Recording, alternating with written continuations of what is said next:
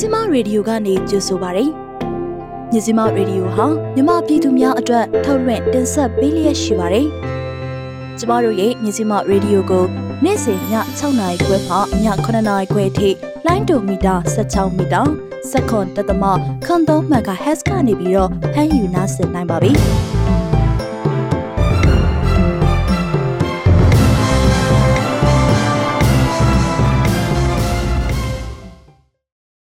မင်္ဂလာပါရှင်မြန်မာနိုင်ငံသူနိုင်ငံသားတွေဘေးကင်းလုံခြုံပြီးစိတ်ချမ်းသာကိုယ်ကျန်းမာစွာဖြတ်သန်းနိုင်ကြပါစေလို့မြစည်းမရေဒီယိုဖွဲ့သူဖွဲ့သားတွေကဆုတောင်းမြတ်တာပို့လိုက်ရပါတယ်ဇန်နဝါရီ28ရက်တောက်ကြနေညမြစည်းမရေဒီယိုရဲ့သတင်းတွေကိုကျမဝေယမိုးမြင့်နဲ့အတူမှုကပါတင်ဆက်ပေးမှာပါဒီနေ့ညမှာနားဆင်ရမယ့်သတင်းတွေကတော့မြိုင်မှာပြည်သူ၃ဦးကိုစစ်ကောင်စီတပ်ကပြစ်တက်ပြီးတော့ရေနံမော်တွေကိုထပ်ပြီးမိရှို့နေတဲ့အကြောင်း ရိုက်ကော်မှာလူငယ်အလောင်း6လောင်းကိုထပ်မံတွေ့ရှိရတဲ့တဲ့အာနာသိမ့်ပြီးနောက်ပိုင်းအိုးရင်ဆွန့်ခွာထွက်ပြေးရတဲ့ကလေးငယ်ပေါင်းတသိန်းခွဲကျော်ရှိနေတဲ့အကြောင်းမြန်မာနိုင်ငံမှာအိုမီခရွန်ရောဂါပိုးတွေ့ရှိသူဟာ200ကျော်အထိရှိလာနေတဲ့အကြောင်းနိုင်ငံတကာသတင်းတွေထဲမှာတော့အကြက်တဲတွေကိုဖြည့်ရှင်းဖို့အတွက်ရုရှားနဲ့ဖေဖော်ဝါရီလဆွေးနွေးပွဲတွေကိုယူကရိန်းကကြိုဆိုလိုက်တဲ့အကြောင်းရွေးကောက်ခံသမ္မတကျန်းသစ္စာချိန်ဆိုပွဲမတိုင်ခင် ဟွန်ဒူရက်မှာနိုင်ငံရေးအကြက်အတဲတွေပုံမနှဆိုင်လာတဲ့အကြောင်းဒီအကြောင်းတွေပါဝင်တဲ့ပြည်တွင်းနဲ့နိုင်ငံတကာသတင်းတွေစီးပွားရေးသတင်းအားကစားသတင်းတွေအပြင်ဆက်သွယ်မေးမြန်းချက်နဲ့ပြန်နိုင်စီစဉ်တွေကိုလည်းနားဆင်ကြရဖို့ရှိပါတယ်ရှင်။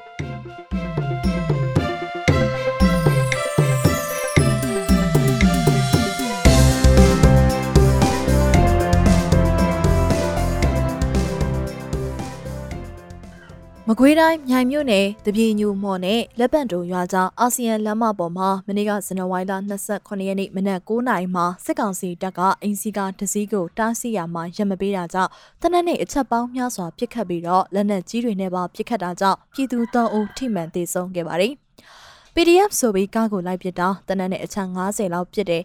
အဲ့ဒါနဲ့မရတော့ RPG နဲ့ဆယ်ချက်လောက်ပြစ်တယ်ကားကိုမထိပဲဘေးကပြည်သူတွေကိုထိပြီးတော့၃ယောက်သေသွားတယ်ဒဏ်ရာရတဲ့သူတွေလည်းရှိတယ်မစွန့်ရင်ရပါမယ်အနှဲငယ်ဒဏ်ရာရသွားတယ်ကျွန်တော်တို့ပြည်သူတွေမှာအကူရမဲ့ပြီးတော့ကြီးတန်းစာစားနဲ့နေရတယ်လို့ဒေသခံတအုပ်ကပြောပါတယ် စစ်တပ်ကပြစ်ခတ်မှုကြောင့်တေဆုံးခဲ့သူ၃ဦးမှာအသက်30ဝန်းကျင်အမျိုးသားတွေဖြစ်ကြပြီးတော့အလောင်းသွားမကောက်ရဲတာကြောင့်ယခုတိုင်တေဆုံးတဲ့နေရာမှာရှိနေသေးတယ်လို့သိရပါတယ်။အကြမ်းဖက်စစ်တပ်ဟာမြိုင်မှာပြည်သူတိုင်းကို PDF လို့ဆွဆွဲပြီးတော့အကြောင်းမဲ့ပြစ်ဒဏ်နေကြောင်းယောက်ျားလေးဆိုကြီးငယ်မရွေးဖမ်းဆီးခံနေရတယ်လို့ဆိုပါတယ်။စစ်ကောင်စီတပ်အင်အား100ခန့်နဲ့ပြစ်ခတ်ခဲ့ပြီးတဲ့နောက်လက်ပံတိုးရွာအရှိတ်ဘက်မှာရှိတဲ့တရုတ်ကုန်းမော်အနေရင်းနှံချင်းများအားမိရှုဖျက်ဆီးမှုထပ်မံပြုလုပ်ခဲ့ကြောင်းသိရပါတယ်။မြိုင်မြို့နယ်အတွင်းစစ်ကောင်စီတပ်ကယခုလ14ရက်နေ့ကနေစတင်ပြီးတော့အင်အား800ခန့်နဲ့စစ်ကြောင်းထိုးနေရကယခုအင်အားထပ်မံဖြည့်တင်ပြီးအင်အား1500ခန့်နဲ့မိရှုဖျက်ဆီးခြင်းပြည်သူတွေကိုအကြောင်းမဲ့တပ်ဖြတ်ခြင်းတွေကျူးလွန်နေကြောင်းဒေသခံတွေက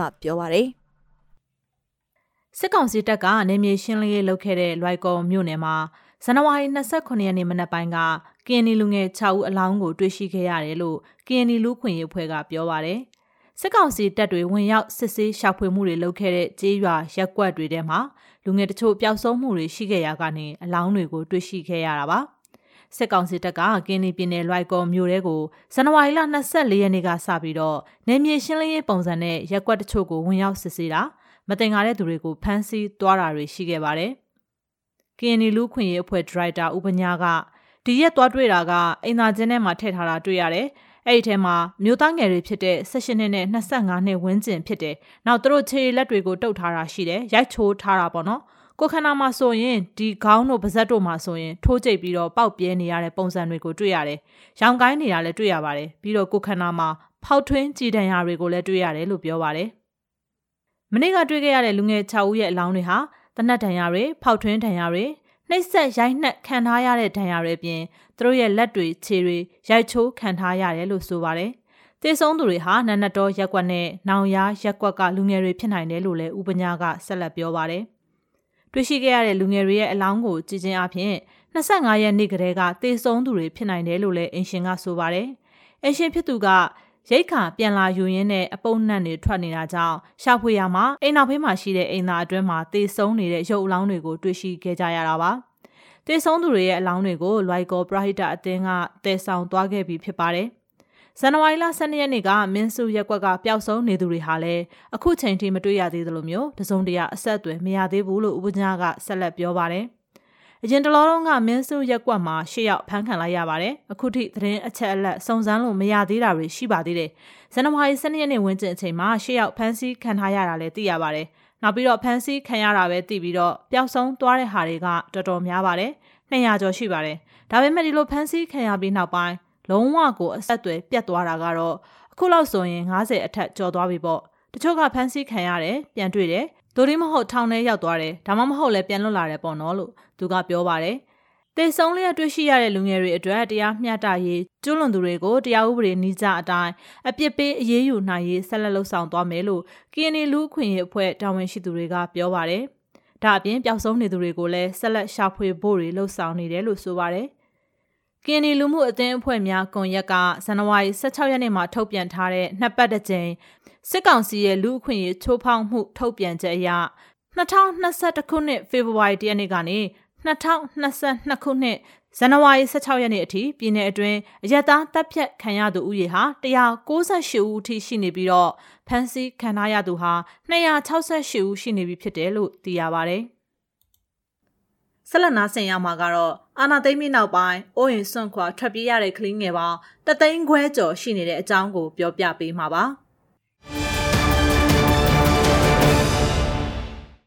မြန်မာနိုင်ငံမှာစစ်တပ်ကအာဏာသိမ်းလိုက်ပြီးတနှစ်အတွင်းကလေးငယ်တွေနဲ့လူသားချင်းစာနာထောက်ထားရေးအကူအညီပေးသူများအပါအဝင်အရသားများအပေါ်အကြမ်းဖက်မှုတွေပြင်းထန်လျက်ရှိနေပါတယ်။ကုံလွန်ခဲ့တဲ့သတင်းနှစ်ပတ်အတွင်းမှာပဲကီနီပြည်နယ်စကိုင်းတိုင်းတို့မှာစစ်တပ်ရဲ့ဘုံခွဲမှုတွေနဲ့စီးနင်းမှုတွေအတွင်းကလေးငယ်တွေတိတ်ဆုံးကြရပါတယ်။ကီနီပြည်နယ်မှာပြည်ရင်းရွှေ့ပြောင်းသူတွေရဲ့စခန်းကိုဖုံးကျဲမှုလည်းအပါအဝင်ဖြစ်ပါတယ်။ ပြီးခဲ့တဲ့နှစ်မှာအိုးအိမ်စွန့်ထွက်ပြေးရတဲ့ကလေးငယ်ပေါင်းတသိန်းခွဲအနည်းဆုံးရှိတယ်လို့ Save the Children အဖွဲ့အရသိရပါတယ်။မြန်မာနိုင်ငံအတွင်းအကြမ်းဖက်မှုတွေတိုက်ခိုက်မှုတွေနဲ့နေရရွှေ့ပြောင်းရမှုတွေကကလေးငယ်တွေကိုကာကွယ်ပေးရေးမှာလေကုလသမဂ္ဂဟာအကြက်တဲကိုယနေ့မှတကားဖွင့်ဆွေးနွေးရေးအတွက်လည်းမအောင်မမြင်ဖြစ်ခဲ့ပါတယ်။ မကြသေးတဲ့ကုလသမဂ္ဂရဲ့စည်းနှင့်အရာလွန်ခဲ့တဲ့တစ်နှစ်ခန့်ကဆီယနာသိန်းချိန်ကနေနောက်ပိုင်းမြန်မာနိုင်ငံအတွင်းတိုက်ပွဲတွေကြောင့်အိုးအိမ်ဆွမ်းခွာထွက်ပြေးရသူပေါင်းဟာ၄သိန်း9900အနည်းဆုံးရှိကြောင်းသိရပါတယ်။အဲ့ဒီနှုန်းထားဟာပြီးခဲ့တဲ့လကထက်29ရာခိုင်နှုန်းတိုးမြင့်လာခြင်းပဲဖြစ်ပါတယ်။ မြန်မာနိုင်ငံအတွင်းနေရရွှေ့ပြောင်းရသူစုစုပေါင်းရဲ့ခံမှန်းခြေ39ရာခိုင်နှုန်းမှာကလေးငယ်တွေဖြစ်ကြပြီးတော့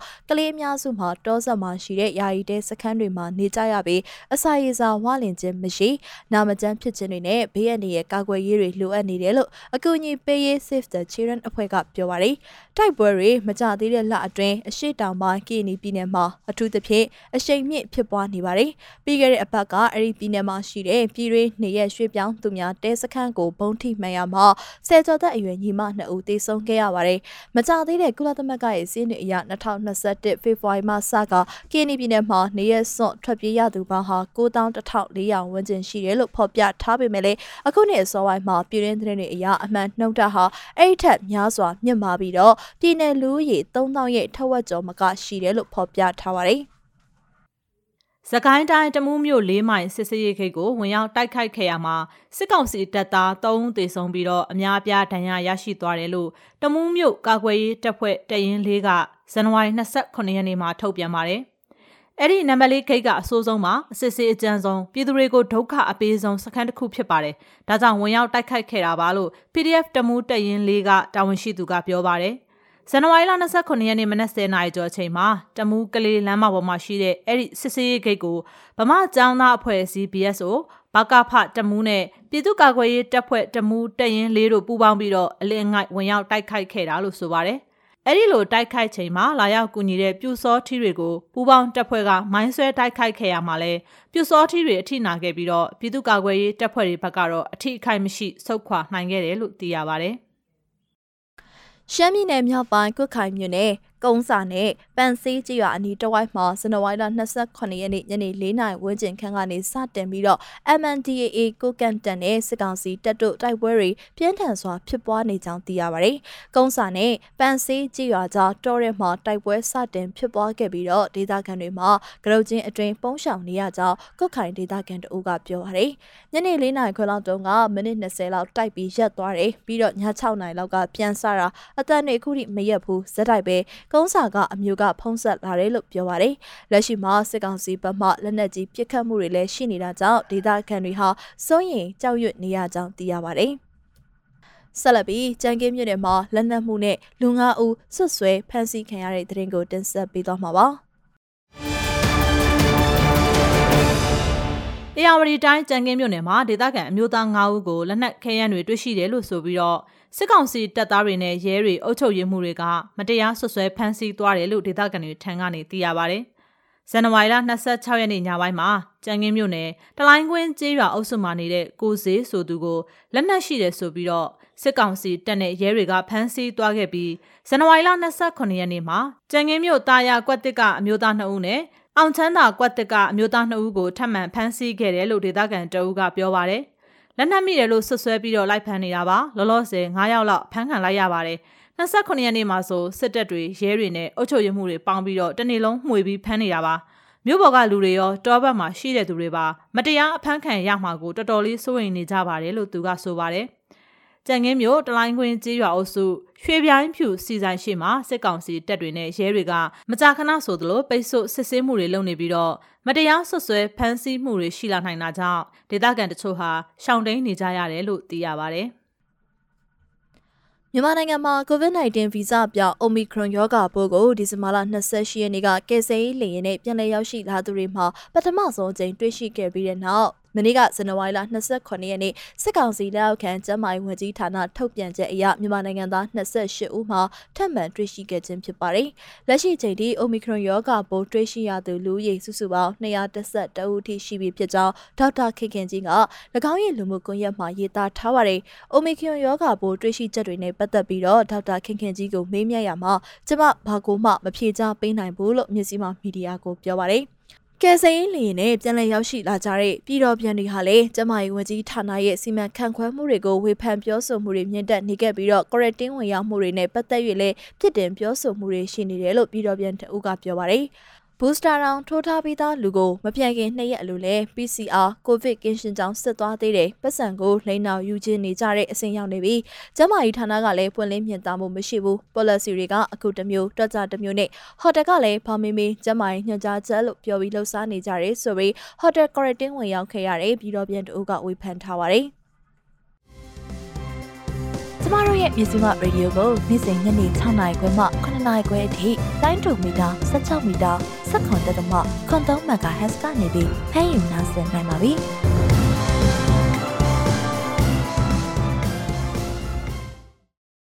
ပြည်တွင်းသတင်းတွေကိုတင်ဆက်လုပ်ပြီးပါပြီရှင်။စီးပွားရေးသတင်းတွေကိုဆက်လက်တင်ဆက်ပေးပါတော့မယ်။မရွှေကြီးကပြောပြပေးမှာပါရှင်။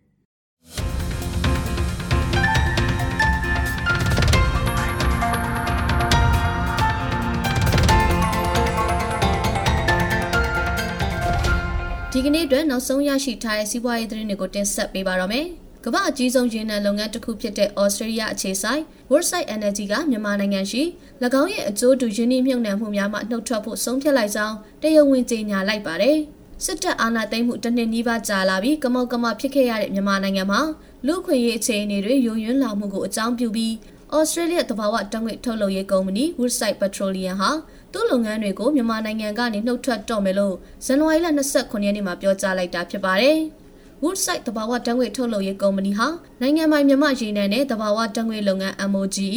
တရုတ်အမျိုးသားရေနံကော်ပိုရေးရှင်းနဲ့ပြင်သစ်တိုတယ်ကုမ္ပဏီတို့အပါအဝင်တခြားအဖွဲ့အစည်းတွေနဲ့အတူဖက်ဆက်လုပ်ကင်ထားတဲ့ရေနံနဲ့တဘာဝတက်ငွေတူးဖော်ရှာဖွေရေးလုပ်ငန်းပိုင်ဆိုင်မှုတွေကနေထွက်ခွာဖို့တရားဝင်လှုပ်ထုံးလုပ်နည်းတရက်ကိုအခုပဲစတင်တော့မယ်လို့ရိုက်တာသတင်းမှာဖော်ပြထားပါတယ်။ Woodside Energy က2013ခုနှစ်မှစတင်ကမြန်မာနိုင်ငံမှာလာရောက်ရင်းနှီးမြှုပ်နှံခဲ့ပြီးကမ်းလွန်တဘာဝတက်ငွေရှာဖွေခြင်းနဲ့တူးဖော်ရေးလုပ်ငန်းတွေကိုအများအပြားဆောင်ရွက်ခဲ့တယ်လို့ဆိုပါတယ်။ရခိုင်ကမ်းလွန်ရေနံလောက်ကွက်ဖြစ်တဲ့ A6 မှာ140ရာခိုင်နှုန်းထည့်ဝင်က operator ဖြစ်ဆောင်ရွက်နေတာဖြစ်ပါတယ်။ အခြားရေနံလောက်ကွက်တွေဖြစ်တဲ့ရခိုင်ကမ်းလွန်မှာရှိတဲ့ AD1 နဲ့ AD8 လောက်ကွက်တွေမှာလည်းရှောက်ဖွေရေးလုပ်ငန်းတွေဆောင်ရွက်ဖို့ခွင့်ပြုချက်ရရှိပြီးနှုတ်မထွက်ခင်ကာလအထိကမ်းလွန်လောက်ကွက်ကိုမှအကျိုးတူရင်းနှီးမြှုပ်နှံခွင့်ရရှိထားတယ်လို့စစ်ကောင်စီရဲ့လျှက်စစ်နဲ့စွမ်းရည်ဝင်ကြီးဌာနရဲ့စီးရင်တွေရသိရပါဗျ။ နောက်ထပ်ရုပ်သိမ်းမှုနဲ့ဆက်ဆက်သက်ဆိုင်တဲ့ငွေသားမဟုတ်တဲ့အတုံးစိဟာအမေရိကန်ဒေါ်လာ138တန်းခန့်အခွန်ဆောင်ပြီး2021ခုနှစ်ဘဏ္ဍာရေးနှစ်ရဲ့အသက်တင်အမြတ်ကိုထိခိုက်စေလိမ့်မယ်လို့ Woodside ကပြောကြားခဲ့ပါတယ်။ဝူဆိုက်က2021ခုနှစ်ဖေဖော်ဝါရီလမှာအရေးပေါ်ချိန်တွေကြီးညာခဲ့ပြီးနောက်ဖြစ်ပေါ်လာတဲ့လူ့အခွင့်အရေးချိုးဖောက်မှုတွေအတွက်မြန်မာနိုင်ငံမှာရှိတဲ့စီးပွားရေးလုပ်ငန်းတွေကိုရခိုင်ကကြီးညာချက်ပေါ်ပြန်လည်သုံးသပ်ခဲ့တယ်လို့ဆိုပါတယ်။ ဝူဆိုက်ရဲ့ CEO ဖြစ်သူမက်ဂရိုနီယကရခိုင်ကမ်းလွန်လောက်ကွက် A စစ်မှာရှိတဲ့ဓာတ်ငွေအရင်အမြစ်တွေကိုအကျိုးတူရင်းနှီးမြှုပ်နှံသူတွေနဲ့ပူးပေါင်းပြီးမြန်မာပြည်သူတွေလိုအပ်နေတဲ့စွမ်းအင်တွေပေးဆောင်ဖို့မျှော်လင့်ခဲ့ပေမဲ့လက်ရှိမှာလုပ်ငန်းတွေဆက်လက်လုပ်ကိုင်ဖို့အလားအလာမရှိတော့ကြောင်းပြောကြားခဲ့ပါတယ်။ပြီးခဲ့တဲ့နှစ်ဖေဖော်ဝါရီလတုန်းကစစ်အာဏာသိမ်းပြီးနောက်စစ်တပ်ရဲ့လူခွင့်ရေးချိုးဖောက်မှုတွေမြင့်တက်လာချိန်မှာ ပြင်သစ်ကုမ္ပဏီတိုတယ်နဲ့ American ကုမ္ပဏီ Chevron တို့ဟာလည်းမြန်မာနိုင်ငံကနေထွက်ခွာတော့မယ်လို့ကြေညာခဲ့ပြီးတပတ်ခန့်အကြာမှာတော့ Australia Woodside ကုမ္ပဏီကလည်းမြန်မာနိုင်ငံကနေလုပ်ငန်းတွေနှုတ်ထွက်တော့မယ်လို့ပြောကြားခဲ့တာဖြစ်ပါတယ်။အနောက်နိုင်ငံများရဲ့ကုမ္ပဏီများထွက်ခွာမှုကစီးပွားရေးအကျက်တဲကျုံနေချိန်စစ်ကောင်စီကိုတစ်နှစ်လျင် American ဒေါ်လာတန်ရာခဏန်းထိယာယီဆုံးရှုံးစေမဲ့အနေအထားလည်းဖြစ်ပါတယ်။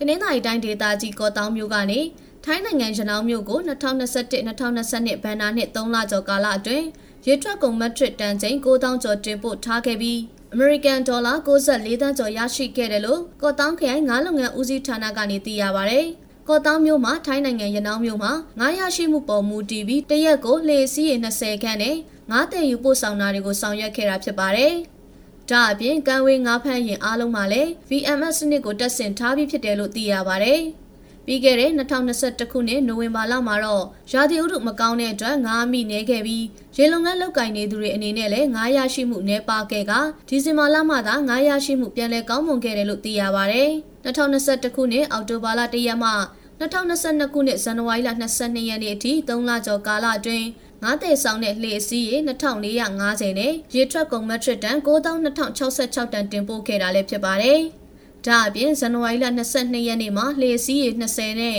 ရေထွက်ကုန်မက်ထရစ်တန်685တန်တင်ပို့ခဲ့ရပြီးအမေရိကန်ဒေါ်လာ3.8တန်ရရှိခဲ့တယ်လို့သိရပါဗျ။ကမ္ဘာ့ဘဏ်ကကောက်ယူခဲ့တဲ့စစ်တမ်းကိုဖြည့်ဆို့ခဲ့တဲ့လုပ်ငန်း59ရာခိုင်နှုန်းက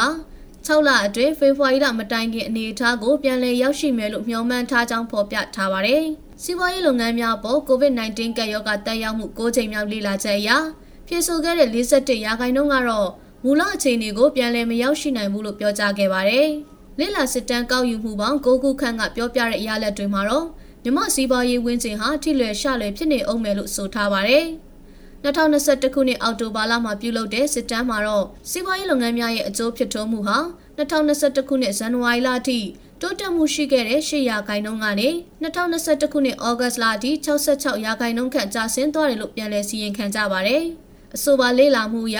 2021ခုနှစ်ဇွန်လမှာစူးစမ်းရှာဖွေမှုရလက်ထက်9ရာခိုင်နှုန်းထိပုံမိုဆိုးရွားခဲ့တာဖြစ်ပါတယ်။ဒါဟာစီးပွားရေးလုပ်ငန်းများရဲ့အကျိုးအမြတ်ဖြစ်ထွန်းမှုအနေနဲ့ကတော့ COVID-19 virus ရောဂါတက်ရောက်မှုကြောင့်ဖြစ်တဲ့ရလက်တွေထက်အနည်းငယ်သက်သာလာခဲ့တာဖြစ်ပါတယ်။စီးပွားရေးလုပ်ငန်းများလဲပတ်ဖို့သွင်းကုန်ပစ္စည်းများနဲ့ကုန်ကျန်းရရှိမှုဟာ2021ခုနှစ်အောက်တိုဘာလမှာစိုးရိမ်စရာဖြစ်ခဲ့ပါတယ်။စိုက်ပျိုးရေးနဲ့ကုန်ထုတ်လုပ်မှုကဏ္ဍနှစ်ခုလုံးရဲ့65ရာခိုင်နှုန်းဟာ အော်တိုဘာလထဲမှာအနောက်ရှက်တွေကြုံတွေ့ခဲ့ရပြီးတနိုင်ငံလုံးထက်14ရာခိုင်နှုန်းဆိုးရွားခဲ့တာလည်းဖြစ်ပါတယ်။အခုတင်ဆက်ပေးခဲ့တာကတော့နောက်ဆုံးရစီးပွားရေးသတင်းအကြောင်းအရာတွေပဲဖြစ်ပါတယ်။ဒီနေ့ရဲ့တင်ဆက်မှုကိုဒီလောက်နဲ့ပဲရနာပြစေရှင်။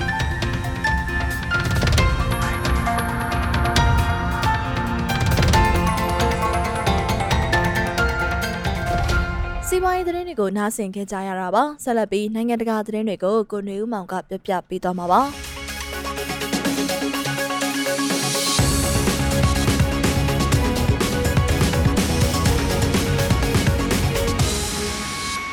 ယူကရိန်းကဖေဖော်ဝါရီလအစောပိုင်းမှာဆက်လက်ပြုလုပ်မဲ့ရုရှားနဲ့ဆွေးနွေးပွဲတွေကိုသတင်းကောင်းအဖြစ်ဇန်နဝါရီလ29ရက်ကြာသပတေးနေ့ကကြိုးဆိုလိုက်ပြီးလက်ရှိအကျက်တဲ့အတွက်တန်တမာရေးနီးလန့်အရာအဖြစ်ရှာဖို့မော်စကိုကကြိုးပမ်းနေတဲ့ဆိုတဲ့လက္ခဏာဖြစ်တယ်လို့ဆိုလိုက်ပါတယ်။မကြသေးမီသတင်းပတ်များအတွင်တောင်းနဲ့ချီတဲ့ရုရှားတပ်တွေနေဆက်မှာတက်ဆွဲလာတဲ့အတွက်ယူကရိန်းကိုရုရှားကကျူးကျော်နိုင်တဲ့အလားအလာနဲ့ပတ်သက်ပြီးကမ္ဘာလုံးဆိုင်ရာစိုးရိမ်မှုတွေ ကြီးထွားလာခဲ့ပါတယ်။ရုရှားနဲ့ယူကရိန်းအကြီးတန်းအရာရှိတွေဟာပြင်သစ်နဲ့ဂျာမနီကိုယ်စားလှယ်တွေနဲ့ဗိုလ်ရူးနေ့ကပါရီမှာတွေ့ဆုံဆွေးနွေးခဲ့ကြပါတယ်။ သတင်းကောင်းကတော့အကြံပေးအဖွဲ့တွေကဘာလင်မှာနှစ်ပတ်အတွင်းတွစ်ဆုံဖို့သဘောတူခဲ့တာပါပဲဆိုလိုတာကနောက်သတင်းပတ်နှစ်ပတ်လောက်ထိအောင်ရုရှားဟာတန်တမန်လမ်းကြောင်းပေါ်မှာဆက်ရှိနေအောင်မယ်ဆိုတာပါပဲလို့ယူကရိန်းနိုင်ငံသားရေးဝန်ကြီးဒီမီထရူကူလီဘာက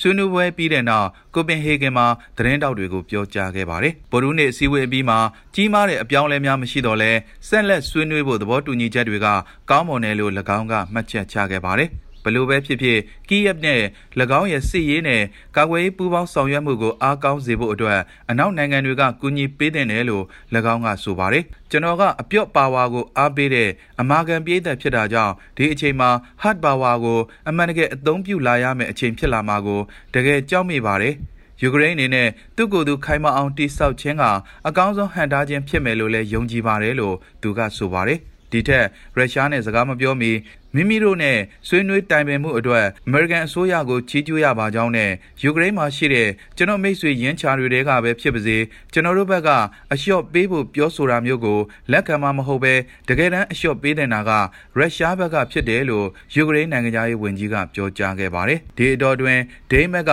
ယူကရိန်းအတွက်2022ခုနှစ်ကနေ2026ခုနှစ်ကြားအမေရိကန်ဒေါ်လာ83သန်းအကူအညီပေးရေးအစီအစဉ်ကိုကြာသပတေးနေ့ကကြေညာခဲ့ပါတယ်နိုင်ငံတိုင်းဟာနိုင်ငံရေးဆန္ဒရှိမယ်ဆိုရင်ဖြစ်မြောက်အောင်လုပ်နိုင်ပါတယ်အဲ့လိုမှမဟုတ်ရင်တော့စင်ကြီးတွေအမျိုးမျိုးပေးလို့ရပါတယ်လို့ယူကရိန်းကိုလက်နက်ပေးအပ်ဖို့ညှင်းဆိုထားတဲ့ဂျာမနီကိုရည်ရွယ်ပြီးစောင်းပါရေးချေပြောဆိုခဲ့ပါတယ်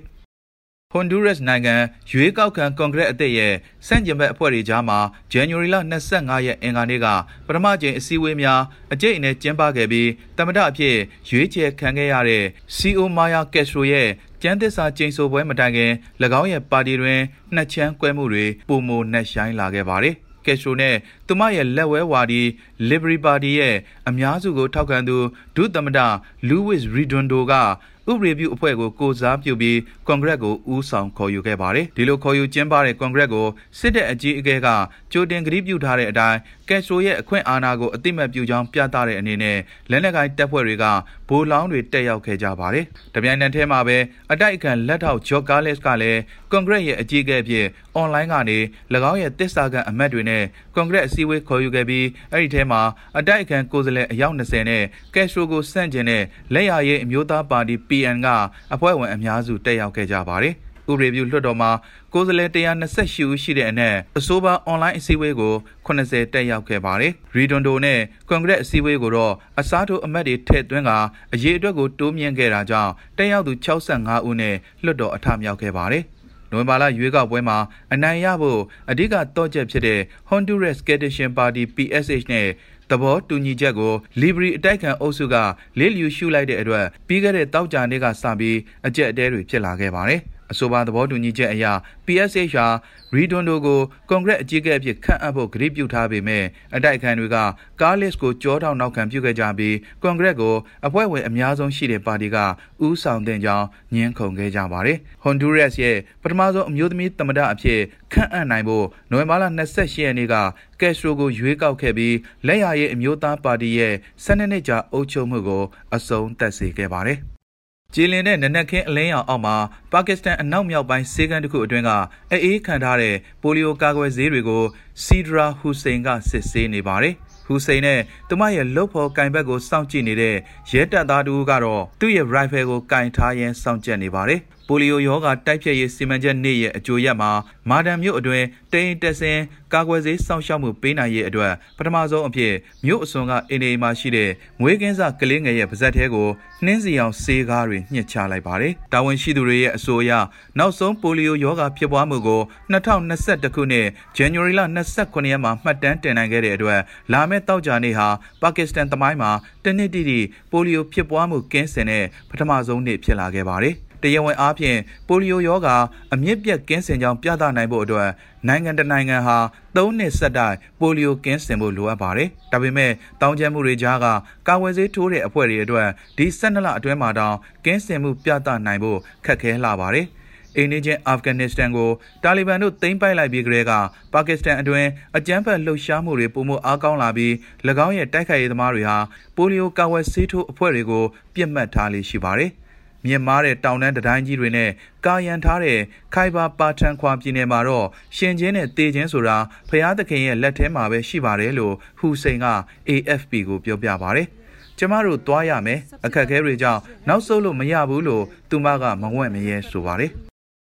ရီမင်းရဲ့ မဟာဗျူဟာကျတဲ့မြောက်ပိုင်းမာရစ်မြို့မှာရီမင်းတပုံတွေရဲ့ပဲထိန်ဒုံးဒဇင်ပစ်ခတ်မှုကြောင့် January လ26ရက်ဗုဒ္ဓနေ့ကလူ9ဦးသေဆုံးခဲ့ပြီး23ဦးဒဏ်ရာရရှိခဲ့ကြောင်းစေဘတ်ဆိုင်ရာသတင်းရင်းမြစ်တစ်ခုကဆိုပါတယ်။ တိုက်ခိုက်မှုအတွင်းစစ်သား2ဦးနဲ့အရက်သား3ဦးသေဆုံးခဲ့ကြောင်းဟူဒီတပုံတွေက Twitter မှာရေးသားဖော်ပြခဲ့ကြတယ်လို့စေမှုတူကဆိုပါတယ်။ရေနံကြွယ်ဝတဲ့မာရစ်ပြည်နယ်ဟာအစိုးရရဲ့နောက်ဆုံးအမာခံနယ်မြေဖြစ်ပြီးအီရန်ကြောတော်နောက်ခံပြုဟူဒီတပုံတွေက၎င်းကိုသိမ်းပိုက်ဖို့လအတန်းကြာတိုက်ပွဲတွေဆင်နွှဲနေပါတယ်။ဟူဒီတပုံတွေပြစ်လွတ်လိုက်တဲ့ပဲထိန်ဒုံးကြီးတစ်စင်းဟာမြို့ရင်းကိုကြားရောက်ပောက်ကွဲခဲ့တယ်လို့အစိုးရစစ်ဘက်ဆိုင်ရာရင်းမြစ်တစ်ခုကပြောကြားခဲ့ပါတယ်။ UAE ကလေ့ကျင့်ပေးထားတဲ့အစိုးရလိုလားသူတိုက်ခိုက်ရေးသမားပြည်သူစစ်တွေကဟူသီတွေကိုမာရစ်တောင်ပိုင်းခရိုင်ဟာရစ်ကနေမောင်းထုတ်နိုင်ခဲ့တယ်လို့ပြောကြားခဲ့ပြီးနောက်တရက်မှာအဆိုပါတိုက်ခိုက်မှုဖြစ်ပွားခဲ့တာဖြစ်ပါတယ်။ နေမြေစုမိုရေးစက်တိုက်ကြရှုံးလာတဲ့ဟူဒီတပုံတွေဟာပြီးခဲ့တဲ့သတင်းပတ်အတွင်း UAE ကို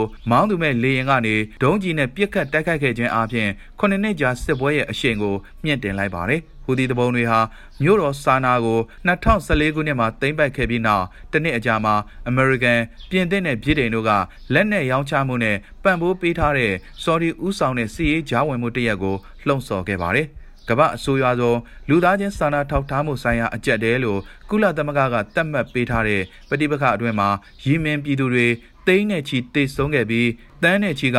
အိုးအိမ်စွန့်ခွာထွက်ပြေးခဲ့ရပါတယ်။ UAE မြို့တော်အဘူဒါဘီမှာလူ3ဦးသေဆုံးခဲ့ရတဲ့ဟူသီတွေရဲ့နောက်ဆုံးဒုံးကျည်နဲ့ပစ်ခတ်တိုက်ခိုက်မှုအပြီးနှစ်ရက်အကြာဗုဒ္ဓဦးနေ့မှာမာရစ်ကိုတိုက်ခိုက်ခဲ့တာဖြစ်ပြီးဟူသီတို့လှုပ်ဆောင်တာဖြစ်ကြောင်းအတည်ပြုထားတဲ့တိုက်ခိုက်မှုအတွင်းလူ9ဦးသေဆုံးခဲ့ပါတယ်။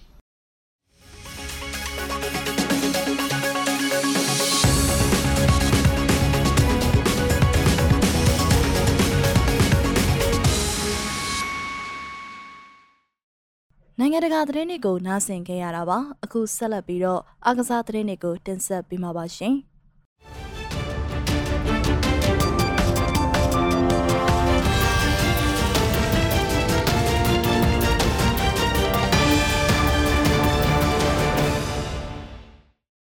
မင်္ဂလာပါခင်ဗျာအခု Miss Ma Radio ရဲ့နောက်ဆုံးရအာဇာသတင်းတွေကိုတင်ဆက်ပေးမှာပဲဖြစ်ပါတယ် ပထမဆုံးသတင်းတစ်ပုဒ်အနေနဲ့အာဖရိကရွှေပြောင်းလူသားများပေါ်ပြောကြားခဲ့တဲ့မှတ်ချက်စကားကြောင့် FIFA ဥက္ကဋ္ဌ Infantino ဝေဖန်ခံနေရဆိုတဲ့သတင်းကိုတင်ဆက်ပေးမှာပဲဖြစ်ပါတယ်။ကမ္ဘာဘောလုံးအဖွဲ့ချုပ် FIFA ရဲ့ဥက္ကဋ္ဌဖြစ်သူ Infantino ဟာအာဖရိကရွှေပြောင်းလူသမားများပေါ်ပြောကြားခဲ့တဲ့မှတ်ချက်စကားကြောင့်ဝေဖန်မှုများနဲ့ရင်ဆိုင်နေရပါတယ်။ Infantino ဟာအာဖရိကလူသမားများပေါ်ကူညီရန်တောင်းဆိုတဲ့စကားကိုပြောဆိုခဲ့တာဖြစ်ပေမဲ့လည်းအဲ့လိုမကူညီပါကအာဖရိကရှိလူများဟာ အခြားလုပ်ကိုင်များလုပ်ရင်ပင်လယ်ကိုဖြတ်ကူးပြီးသေဆုံးနိုင်တယ်ဆိုတဲ့သဘောတက်ရောက်တဲ့စကားတွေကိုပြောဆိုခဲ့တာဖြစ်ပါတယ်။ Infantino ကအဲ့လိုစကားမျိုးပြောဆိုခဲ့ခြင်းမှာစကားပြောဆိုမှုမှားသားကြောင်းအကြောင်းပြနိုင်တော့လဲအဲ့ဒီစကားပြောဆိုတဲ့မူရင်းရွေချက်ကအာဖရိကနိုင်ငံများမှာပြည်သူတွေပေါ်၎င်းရဲ့အတွင်းစိတ်ထက်နေတယ်ဆိုတာကိုအီဂျစ်နာမည်ကြီးသတင်းစာတစ်စောင်ကဝေဖန်ခဲ့ပါတယ်။ အလားတူပဲဥရောပမီဒီယာများကလည်း Infantino ဟာ၎င်းရယူထားတဲ့ယာရုနဲ့မလိုက်ဖက်တဲ့စကားကိုလက်လွတ်စပယ်ပြောဆိုခဲ့ခြင်းဖြစ်ကြောင်းဝေဖန်ခဲ့ကြပြီးစဉ်းစားဆင်ခြင်ဉာဏ်မရှိသူဖြစ်တယ်လို့လည်းပြစ်တင်ခဲ့ပါတယ်။ Infantino ဟာကမ္ဘာဖလားပြိုင်ပွဲကိုနှစ်နှစ်တစ်ကြိမ်ကျင်းပလိုတဲ့ရွေချက်နဲ့ပတ်သက်ပြီးရှင်းလင်းပြောဆိုခဲ့ရမှာပြောကြားခဲ့တာဖြစ်ပါတယ်။ကျွန်တော်တို့ကအခွင့်အရေးတွေပေးနိုင်ဖို့လိုသလိုလူသားဂုဏ်သိက္ခာတွေလည်းပေးနိုင်ဖို့လိုပါတယ်။ဒီအတွက်လူရန်မှုတွေလှုပ်ရှားမလိုပါဘူး။ကဘာကြီးရဲ့ကဏ္ဍဆောင်မှာ သူတို့ကိုယ်တိုင်ပါဝင်လာအောင်လုပ်ပေးဖို့ပဲလိုပါတယ်။ကျွန်တော်တို့ဟာအာဖရိကပြည်သူတွေအတွက်မျှော်လင့်ချက်တွေပေးနိုင်မယ်ဆိုရင်သူတို့အနေနဲ့မြေထဲပင်လယ်ကိုဖြတ်ကူးပြီးအလုတ်လာလုပ်ဖို့ခိုးဝင်နေကြမလို့တော့ပါဘူးပင်လယ်ကူးရင်သေဆုံးသွားတာထက်ပုံမကောင်းမွန်တဲ့ဘဝကိုရရှိဖို့အတွက်အခွင့်အရေးကောင်းလာပါလိမ့်မယ်လို့ပြောကြားခဲ့ခြင်းဖြစ်ပါတယ် Mason Migrants Project သည်ရွှေပြောင်းလူသားများရဲ့ပျောက်ဆုံးသေဆုံးမှုများနဲ့ပတ်သက်တဲ့အချက်အလက်များကိုရှာဖွေထုတ်ပြန်နေတဲ့အဖွဲ့အစည်းတစ်ခုဖြစ်ပြီး၎ င်းတို့ရဲ့စီးရင်စရာများအရမြေထဲပင်လယ်ကိုဖြတ်ကူးပြီးအာဖရိကမှဥရောပသို့ခိုးဝင်ရန်ကြိုးစားနေသူများ၏ပျောက်ဆုံးသို့မဟုတ်သေဆုံးမှုမှာ2300ကျော်အထိရှိလာပြီပဲဖြစ်ပါတယ်။ Infantino ဟာအဲ့ဒီချက်ကိုကိုးကားပြောဆိုခဲ့ခြင်းဖြစ်ပြီးမိမိရဲ့ပြောလိုရင်းကိုကောက်ယူမှုလွဲမှားနေတယ်လို့ကာကွယ်ပြောဆိုခဲ့ခြင်းလည်းဖြစ်ပါတယ် နောက်တစ်ပုံအနေနဲ့ Australia Open Tennis ပြိုင်ပွဲအမျိုးသားဦးချင်း semi final အဆင့်မှာ Berrettini နဲ့ Nadal, Tsitsipas နဲ့ Medvedev တို့ကတွေ့ဆုံခဲ့တယ်ဆိုတဲ့သတင်းပဲဖြစ်ပါတယ်။ကျင်းပလျက်ရှိတဲ့ Australia Open Tennis ပြိုင်ပွဲအမျိုးသားဦးချင်း semi final အဆင့်ပွဲစဉ်များမှာအီတလီကစားသမား Berrettini နဲ့စပိန်ကစားသမား Rafael Nadal, Greek ကစားသမား Tsitsipas နဲ့ရုရှားကစားသမား Medvedev တို့ဆုံတွေ့နေရကြောင်းသိရှိရပါတယ်။ Quarter Final အဆင့်ပွဲစဉ်၄ပွဲမှာသုံးပွဲဟာအကျိတ်နဲ့ရှင်ပြိုင်ခဲ့ရတဲ့ပွဲစဉ်ဖြစ်ပြီးစစ်စီဘတ်ဦးတဲ့သာအီတလီကစားသမားစင်နာကိုသုံးပွဲပြတ်ဖြင့်အလွယ်တကူအနိုင်ရယူခဲ့ပါတယ်။ချန်ကစားသမားသုံးဖြစ်တဲ့ဘာရက်ဒီနီနဒါနဲ့မက်ဗီဒတ်တို့သည်သုံးနှစ်ပွဲဖြင့်အကျိတ်နဲ့ကစားခဲ့ကြရပြီးဘရက်ဒီနီကမွန်ဖေးကို၎င်းနဒါလ်ကရှာပိုလော့ဖ်ကို၎င်းမက်ဗီဒက်ကဖိလစ်ဥဂါလီယာစင်းကို၎င်းအနိုင်ရရှိခဲ့ခြင်းဖြစ်ပါတယ်။ စမီဖိုင်နယ်တက်ရောက်လာတဲ့ကစားသမားများထဲမှာနိုင်ရင်အမြင့်ဆုံးကစားသမားတော့ Medvedev အဆင့်1ဖြစ်ပြီးကျန်ကစားသမားများမှာ Tsitsipas အဆင့်4 Nadal အဆင့်6 Berrettini အဆင့်9တို့ပဲဖြစ်ပါတယ်။နောက်ဆုံးသတင်းတစ်ပုဒ်အနေနဲ့ဂျေမီဗာဒီစီကနေလေးလံတင်ယူနေတဲ့ကမ္ဘာအကောင်းဆုံးအရေးသွေးတစ်ခုကိုထုတ်ပေါ်လိုက်တဲ့ဟာလန်ဆိုတဲ့သတင်းကိုတင်ဆက်ပေးပါမယ်။ဘူရန်ရှာဒေါ်မွန်တိုက်စစ်မှုအာလင်းဟာလန်က သူဟာဒီတက်ပိုပြီးတိုးတက်လာဖို့အတွက်ဘောလုံးပွဲများစွာကြည့်ရှုကာတင်ယူလေးလာလေးရှိတယ်လို့ထုတ်ဖော်သွားခဲ့ပြီးလက်စတာစီးတီးတိုက်စစ်မှုဂျေမီဗာဒီစီကနေသူလေးလာတင်ယူနေတဲ့အရေးသွေးတစ်ခုကိုထုတ်ဖော်ပြောဆိုသွားခဲ့ပါတယ်။အသက်22နှစ်အရွယ်ကစားသမားဟာရဘူဆဲဘက်ကနေဒေါ်မွန်ကိုရောက်ရှိလာခဲ့ပြီးဘွန်ဒက်လီဂါမှာဂိုးတွေများစွာတင်ယူကာလက်ရှိမှာကမ္ဘာအကောင်းဆုံးတိုက်စစ်မှုတွေထဲကတူအဖြစ်သတ်မှတ်ခံရထားသူလည်းဖြစ်ပါတယ်။ နော်ဝေးတိုက်စစ်မှုဟာဒေါမွန်အတွက်89ပွဲမှာ80ဂိုးသွင်းယူခဲ့ပြီးဆဲဘက်မှာတော့ကလည်း28ပွဲကစားတာ29ဦးသွင်းယူခဲ့သူလည်းဖြစ်ပါတယ်။ဒီလိုမျိုးထိတ်တန်းဂိုးသွင်းစွမ်းရည်ကိုပိုင်ဆိုင်ထားပေမဲ့လည်းဟာလန်ကသူ့အနေနဲ့ဒီထက်အများကြီးလေးလာစရာတွေရှိနေသေးတယ်လို့ဝန်ခံခဲ့ပြီးအားလည်းရက်တွေမှာတနိုင်သမျှဘောလုံးပွဲတွေများစွာကြည့်ရှုပြီးတင်ယူမှုတွေပြုလုပ်နေတယ်လို့ထုတ်ဖော်ခဲ့ပါတယ်။ ဟာလန်ကိုမျက်စိကျနေတဲ့ကစားသမားတွေတဲကတူကတော့လက်စတာတိုက်စစ်မှုဗာဒီပဲဖြစ်ပြီးနော်ဝေစတာဗာဒီရဲ့အကောင်းဆုံးအရေးသွေးတစ်ခုကိုပြောပြခဲ့ပါတယ်။ဟာလန်ကကျွန်တော်ကစားသမားတော်တော်များများရဲ့ကစားပုံကိုကြည့်ရှုခဲ့ပါတယ်။ဥမာအနေနဲ့ပြောရမယ်ဆိုရင်နံပါတ်30ကစားသမားဘောလုံးရသွားတဲ့အချိန်မှာဗဟိုနောက်ခံလူကိုကြော်ပြီးပြေးထွက်တဲ့နေရာမှာကမ္ဘာအကောင်းဆုံးကစားသမားတူရှိနေခဲ့ပါတယ်။ JB Vardy ပါကျွန်တော်သူ့ရဲ့ရွေးရှားမှုတွေကိုအတော်လေးကြည့်ရှုခဲ့ပြီးဒီလိုမျိုးအတိအကျလိုက်လုပ်ဖြစ်မယ်လို့ကျွန်တော်ထင်ခဲ့ပါတယ် ကျွန်တော်ဟာလေးလာပွဲတွေအများပြားကြည့်ရှုလေးရှိသူပါကျွန်တော်စနေနေ့မှာဘောလုံးပွဲကစားခဲ့တယ်ဆိုရင်ဒီနေ့နေ့မှာအင်ကိုပြန်ပြီးဘောလုံးပွဲတွေကိုတနေ့ကုန်ကြည့်ပါတယ်ကျွန်တော်ရဲ့ပုံစံကအမြဲတမ်းဒီလိုမျိုးပါပဲလို့ဆိုခဲ့ပါတယ်ဒါ့အပြင်ဟာလန်ကအခြားတိုက်စစ်မှုတွေရဲ့ကစားသမားတွေကိုကြည့်ရှုခဲ့ပြီးသူ့အတွက်နောက်ထပ်ထူးခြားတဲ့ကစားသမားတူကတော့အာဆင်နယ်နဲ့မန်ချက်စတာတိုက်စစ်မှုဟောင်းရောဘင်ဗန်ဘာစီပဲဖြစ်ပါတယ်နော်ဝေးစတာကဗန်ဘာစီရဲ့ကစားပုံကိုကျွန်တော်တော်တော်များများကြည့်ရှုခဲ့ပါတယ် သူဟာကျွန်တော်တို့လိုပဲဘယ်သန်ကစားသမားပါကျွန်တော်သူသွင်းယူခဲ့တဲ့ဂိုးတွေကိုကြည့်ရှုခဲ့ပြီးသူဟာဘယ်ချီတန်တဲ့ကစားသမားတူဖြစ်နေတာကြောင့်လဲသူ့ရဲ့ကစားပုံကိုအများပြားကြည့်ရှုခဲ့တာတဘာဝကြပါတယ်ကျွန်တော်ကစားသမားတော်တော်များများကိုကြည့်ရှုနေခဲ့ပြီးအထူးသဖြင့်တိုက်စစ်မှုတွေကိုလို့သူကိုယ်တိုင်ပြောကြားခဲ့ပါတယ်အခုတင်ဆက်ပေးခဲ့တာတွေကတော့မစ္စည်းမရေဒီယိုရဲ့နောက်ဆုံးရအားကစားသတင်းတွေပဲဖြစ်ပါတယ်ကျ မတို့ရဲ့မြစီမရေဒီယိုကိုနေ့စဉ်ညနေ6နာရီခွဲမှ9နာရီခွဲအထိတိုင်းတူမီတာ16မီတာ7.3တက်သမခွန်3မဂါဟက်စ်ကနေပြီးဖမ်းယူနားဆင်နိုင်ပါပြီ။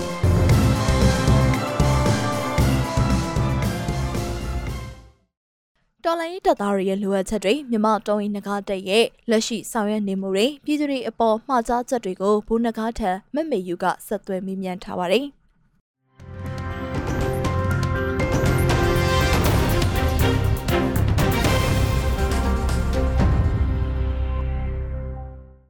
ပုံနကားတို့ဒီလွတ်မြောက်ခဲ့ပုံပေါ့နော်ပြီးလို့ရှိရင်အာဒီစစ်တပ်ကနေပြီးတော့ဒီဒီပုံနကားတို့ကြံရှိခဲ့တဲ့ဒီအုံနောက်ရွာကဒီလူငယ်တွေကိုတပ်ပစ်တယ်ရွာသားတွေကိုတပ်ပစ်ခဲ့တယ်အာဒါနဲ့ပတ်သက်ပြီးတော့ပြောပြပေးပါရှင်အော်အဲ့ဒီအဲ့ဒီရွာကအဲ့နဲ့လူလူတွေ့ဆုံပွဲပုံစံမျိုးလေးလုပ်ဖို့ကျွန်တော်ဖိတ်ထားတာရှိတယ်ဗျအဲ့တော့ဖိတ်ထားတာရှိပြီမဲ့လို့ကျွန်တော်ကရေးပေါ်ကိစ္စတစ်ခုနဲ့အဲ့တော့အနောက်ဘက်ခီးထွက်သွားတာခီးထွက်သွားတဲ့အခါကျတော့ ဒီမှာကြံခဲ့တဲ့တခြားသူတွေတော့အဲ့ဒီပွဲလေးကအဖြစ်မြောက်စီစဉ်ကြပုံကြတယ်အဲ့ဒီမှာဒီစစ်ကောင်စီဘက်ကလည်းကျွန်တော်ရှိတယ်ဆိုတဲ့သတင်းအတိအကျသူတို့တနည်းနည်းနဲ့တော့ရထားမှာပေါ့အဲ့ဒီပွဲမှာအဲအဲ့လိုရထားတော့ဒီပွဲလေးမကျင်းပခင်လို့ပြောတယ်ကျွန်တော်ပြောကြားရတာတော့သူတို့အန်ပြောတာပွဲလေးမကျင်းပခင်မှာပဲဒီ MI95 ဘာဝန်စေရဟရင်လေးဒီနဲ့လာရောက်ပြီးတော့ပြစ်ခတ်တယ်လူကြီးချပြီးတော့ဝိုင်းနေပေါ့အဲ့လိုတိုက်တဲ့အခါမှာဒီတချို့ရွာသားတွေထွက်ပြေးတယ်အဲတချို့တွေတော့မိတယ်ပေါ့ရွာသားတော်တော်များများလဲမိရှို့တပ်ဖြတ်ခံနဲ့အနှိမ့်ဆက်ခံနဲ့အိမ်နဲ့မွေနောက်တယ်ပေါ့ကြားတာကတော့ရွှေငွေဝိုက်ဆန်အဲ့လိုမျိုးဟာတွေကစားလို့တော်တော်များများလဲရှာပြီးတော့ယူသွားတယ်ပေါ့တရွာလုံးလဲတော်တော်ကြီးမွေနောက်ခံတယ်တချို့တန်နေရဆိုတာတဲ့သူတို့ ဟိုစေရင်နဲ့အဲ့လိုမကြရင်မကြသလိုရိုက်ရင်နှက်ရင်နဲ့တချို့တွေအသက်သေဆုံးရတာတွေထိရှိတယ်တချို့လွတ်လာတဲ့လူတွေလည်းဒဏ်ရာပြင်းပြင်းထန်ထန်နေပေါ့ကျွန်တော်ကတော့ဒီအကြံပြင်းအဲ့လောက်ပဲပြောနိုင်တယ်ဗျဘာဖြစ်လို့လဲဆိုတော့ဟိုမြေပြင်ကရေဘော်တွေပြောပြတာကတော့အဲ့ဒီအနေထားလောက်ပါပဲဒါဆိုကတော့ဘုနကားအနေနဲ့ဒီလက်ရှိမှာဆိုလို့ရှိရင်ဒီတော်ဝင်နဂါတက်ကိုလည်းဥဆောင်နေတယ်ဒီဥဆောင်နေတဲ့သူတယောက်အနေနဲ့ပေါ့နော်ဒီလိုမျိုးစစ်တပ်ဘက်ကနေပြီးတော့ဒါပြည်သူတွေနဲ့ဒီပေါ့နော်ဒီ PDF တွေချားထဲမှာဆိုလို့ရှိရင်ဒါသွေးခွဲမှုတွေအစင်မပြတ်လှုပ်ဆောင်နေတာကိုတွေ့ရတယ်သူတို့ဒီပေါ့နော်ပြည်သူတော်လှန်ရေးတပ်သားတွေကိုမနိုင်တဲ့အခါကျရင်ပြည်သူတွေကိုမဲတယ်အာဒါမျိုးတွေလှုပ်ဆောင်နေတယ်အာဒါနဲ့ပတ်သက်ပြီးတော့ဘာများပြောချင်ပါသလဲရှင်ဒါကတော့လူရုံမာရဲ့သူတို့အတ္တကိုကာကွယ်တဲ့အပိုင်းပေါ့ဗျာမျိုးသားတဲ့သူတွေရုံမာတဲ့သူတွေကသူတို့အတ္တအတွက်ပဲရှေ့တန်းတင်ပြီးကြည့်ကြတယ်သူတို့အတ္တအတွက်ထိကြိုက်လာမယ်ဆိုရင် အဲလိန်ညာတာတစ်မျိုးရက်ဆက်တာတစ်မျိုးနဲ့အနည်းမျိုးစုံနဲ့သူတို့ဒီဒီဟာအတွက်လှုပ်ဆောင်ကြမှာပဲသူတို့အလုံးသိတဲ့အတိုင်းပဲဒီတိုင်းပြိုအုပ်ချုပ်လာတဲ့ကာလသူတို့ကိုယ်ကျိုးပဲကြီးခဲ့ကြတယ်ခေတ်ဆက်ဆက်ဒါကြောင့်လဲအားလုံးပြည့်ပြည့်စုံနေပါလျက်နဲ့ကျွန်တော်တို့တိုင်းပြည်ဟာအဖက်ဖက်ကနေကြအဲအမျိုးသားရေးကိစ္စတွေမှာပါဟိုအောက်တန်းနောက်တန်းကြခဲ့ရတယ်ပေါ့ဗျာအစားသားရရမှာပေါ့ဟုတ်အဲ့ဒီမှာအခု အနေအထားတစ်ခုအရာအလုံးမြောက်ဖို့ကြိုးစားနေကြတဲ့သူတွေကျွန်တော်တို့တွေကလည်းအဲပြည်သူပါပဲပြည်သူတွေကပြည်သူပဲပြည်သူတွေရဲ့ဒီလက်ရှိပစ္စုပန်ခံစားနေရတဲ့ဒုက္ခတွေနောက်အနာဂတ်မျှော်လင့်ချက်တွေအပေါ်မှာစိတ်ဟောကိုယ့်ရဲ့တာဝန်ကိုကိုယ်ကြည့်ပြောင်းယူရတော့မယ်ဆိုတော့အတွေးခေါ်ကိုတိဆောက်ပြီးတော့အဲလူလူရှေကိုရောက်လာကြတာပဲကျွန်တော်တို့တွေကကျွန်တော်တို့တွေက PDF ဆိုပေမဲ့လို့တက်တက် အအဖွဲ့အစည်းကြီးတစ်ခုမဟုတ်ဘူးပြည်သူတွေကနေပြည်သူပဲအဲနာကြီးချက်တွေကနေပြီးတော့ဘလုံးမမခံစားနိုင်တော့လို့ကိုကိုပြည်သူတွေအဲအသက်ကြီးငယ်မရွေးအားလုံးကြာနေတဲ့မျက်ရည်တွေကိုကိုတတ်နိုင်တော့လောက်တုတ်ပေးဖို့ရအတွက်ကျွန်တော်တို့ထွက်လာတာအဲဒီလိုထွက်လာတဲ့အခါမှာစစ်တပ်ဘက်ကဒီလူတွေကသူတို့ကိုယ်ကျိုးကိုဟိုထိခိုက်တော့မယ်ပြည်သူပြည်သူတွေရဲ့လွတ်လန်းကိုရှာတော့မယ်ဆိုတော့ဒါသိတဲ့အတိုင်းပဲပြည်သူနဲ့ဒီဥဆောင်သူတွေရဲ့ကြားမှာ နေမျိုးမျိုးတော့တွေးခွဲတာပေါ့ဗျာဟုတ်ကဲ့ပါရှင်ဒါကတော့လိန်တာပေါ့နောက်ကတော့ဒီဒီအပေါ်မှာသူတို့လိန်လို့ညာလို့လှဲ့လို့ပတ်လို့မှမရရင်တစ်ဖက်ကလည်းရက်ဆက်ပေါ့ကျွန်တော်ခါခါပြောဥပါတယ်သူတို့အနေနဲ့ကဟိုဘယ်တိုင်းပြည်နဲ့မှလည်းသူတို့စစ်တိုက်ရတာမဟုတ်ဘူးသူတို့ရဲ့တက်တန်းတစ်ချောင်းမှာပြည်တော်မှာလည်းပတ်ပြီးရန်ဖြစ်နေတဲ့စစ်တပ်အဲသူတို့ရဲ့ခံယူချက်မှာလည်းဒီတိုင်းပြည်နဲ့ဒီတရားဇာတာအခွန်မဲ့ကြံအဲဒီ ဒီတိုင်းပြည်နဲ့ဒီတရားသာလာတွေပဲကြံခဲ့ရင်ရပြီပဲပြည်သူမှတယောက်မှရှိရှိမရှိရှိသူတို့ကသူတို့ကိုကြိုးပဲကြည့်အဲ့တော့ဘသူ့ကိုမှတတ်ရမှာဘသူ့ကိုမှရက်ဆက်ရမှာသူတို့ဝင်မလေးဘူးဝင်မလေးတော့ဝင်မလေးတဲ့အလျောက်အတ္တသမားတွေဟာသူတို့ကိုကြိုးကိုနှီးမျိုးစုံနဲ့ကာကွယ်ကြတာမျိုးပါဟုတ်ကဲ့ပါရှင်နောက်တစ်ခုသိချင်တာကဒီ MRT ရာဆိုလို့ရှိရင်တော့ဒါလက်ရှိမှာ NUG နဲ့ချိတ်ဆက်လိုက်ပြီလို့သိရပါတယ် NUG နဲ့ပတ်သက်ပြီးတော့လည်းပြောပြပေးပါဦးအဲအခက်အခဲအမျိုးမျိုးကြောင့်ပေါ့အဟန္တာအမျိုးမျိုးကြောင့်ကျွန်တော်တို့မချိတ်ဆက်နိုင်ခဲ့ဘူးဒါပေမဲ့အခုနောက်ပိုင်းမှာတော့ ကျွန်တော်တို့ MRD မဖွဲ့ခင်ကလေးလေးမှာပဲအစောပိုင်းလေးမှာကလေးက NUG ကဒီ MOD ကပုဂ္ဂိုလ်တွေနဲ့အကြီးအကဲတွေနဲ့ကျွန်တော်တို့ဆွေးနွေးပြတယ်ဒါဒါဒီလိုလုပ်မယ်ကျွန်တော်တို့ကကျွန်တော်တို့ပြည်သူနဲ့ကျွန်တော်တို့အစိုးရအတွက်ပဲဒီဟာကိုလက်ရုံးတက်တစ်ပွဲဖန်တီးပြီးတော့တည်ရှိပေးနေမယ်ပြည်သူနဲ့ပြည်သူအစိုးရရဲ့ဆန္ဒအတိုင်းအဲကျွန်တော်တို့ကလက်တွဲလှုပ်ရှားမယ်ဆိုတာမျိုးလဲအသိပေးထားတာရှိပါ energy ဘက်ကတော့ကျွန်တော်တို့ဒီ MRDA ရဲ့တရင်တပ်ဖွဲ့မှန်သမျှကိုစည်ရင်တင်ပေးသူတို့အနေနဲ့ဒါတွေကို လိုအပ်တဲ့ပံ့ပိုးမှုတွေလုပ်ပေးသွားမယ်ဆိုတာမျိုးအဲအသိအလင်းပြောကြားထားတာရှိပါဟုတ်ကဲ့ပါရှင်ဒါဆိုဘုနကားတို့ပေါ့နော်မြမတော်ဝင်နဂါတက်အနေနဲ့ပေါ့နော်ဒါစကိုင်းရပြည်သူတွေကိုဗာများမှာကြားခြင်းတယ်လဲဗာများပြောခြင်းပါတယ်လဲရှင်စကိုင်းရပြည်သူဆိုတာတဲ့တနိုင်ငံလုံးကပြည်သူကိုမှားခြင်းတယ်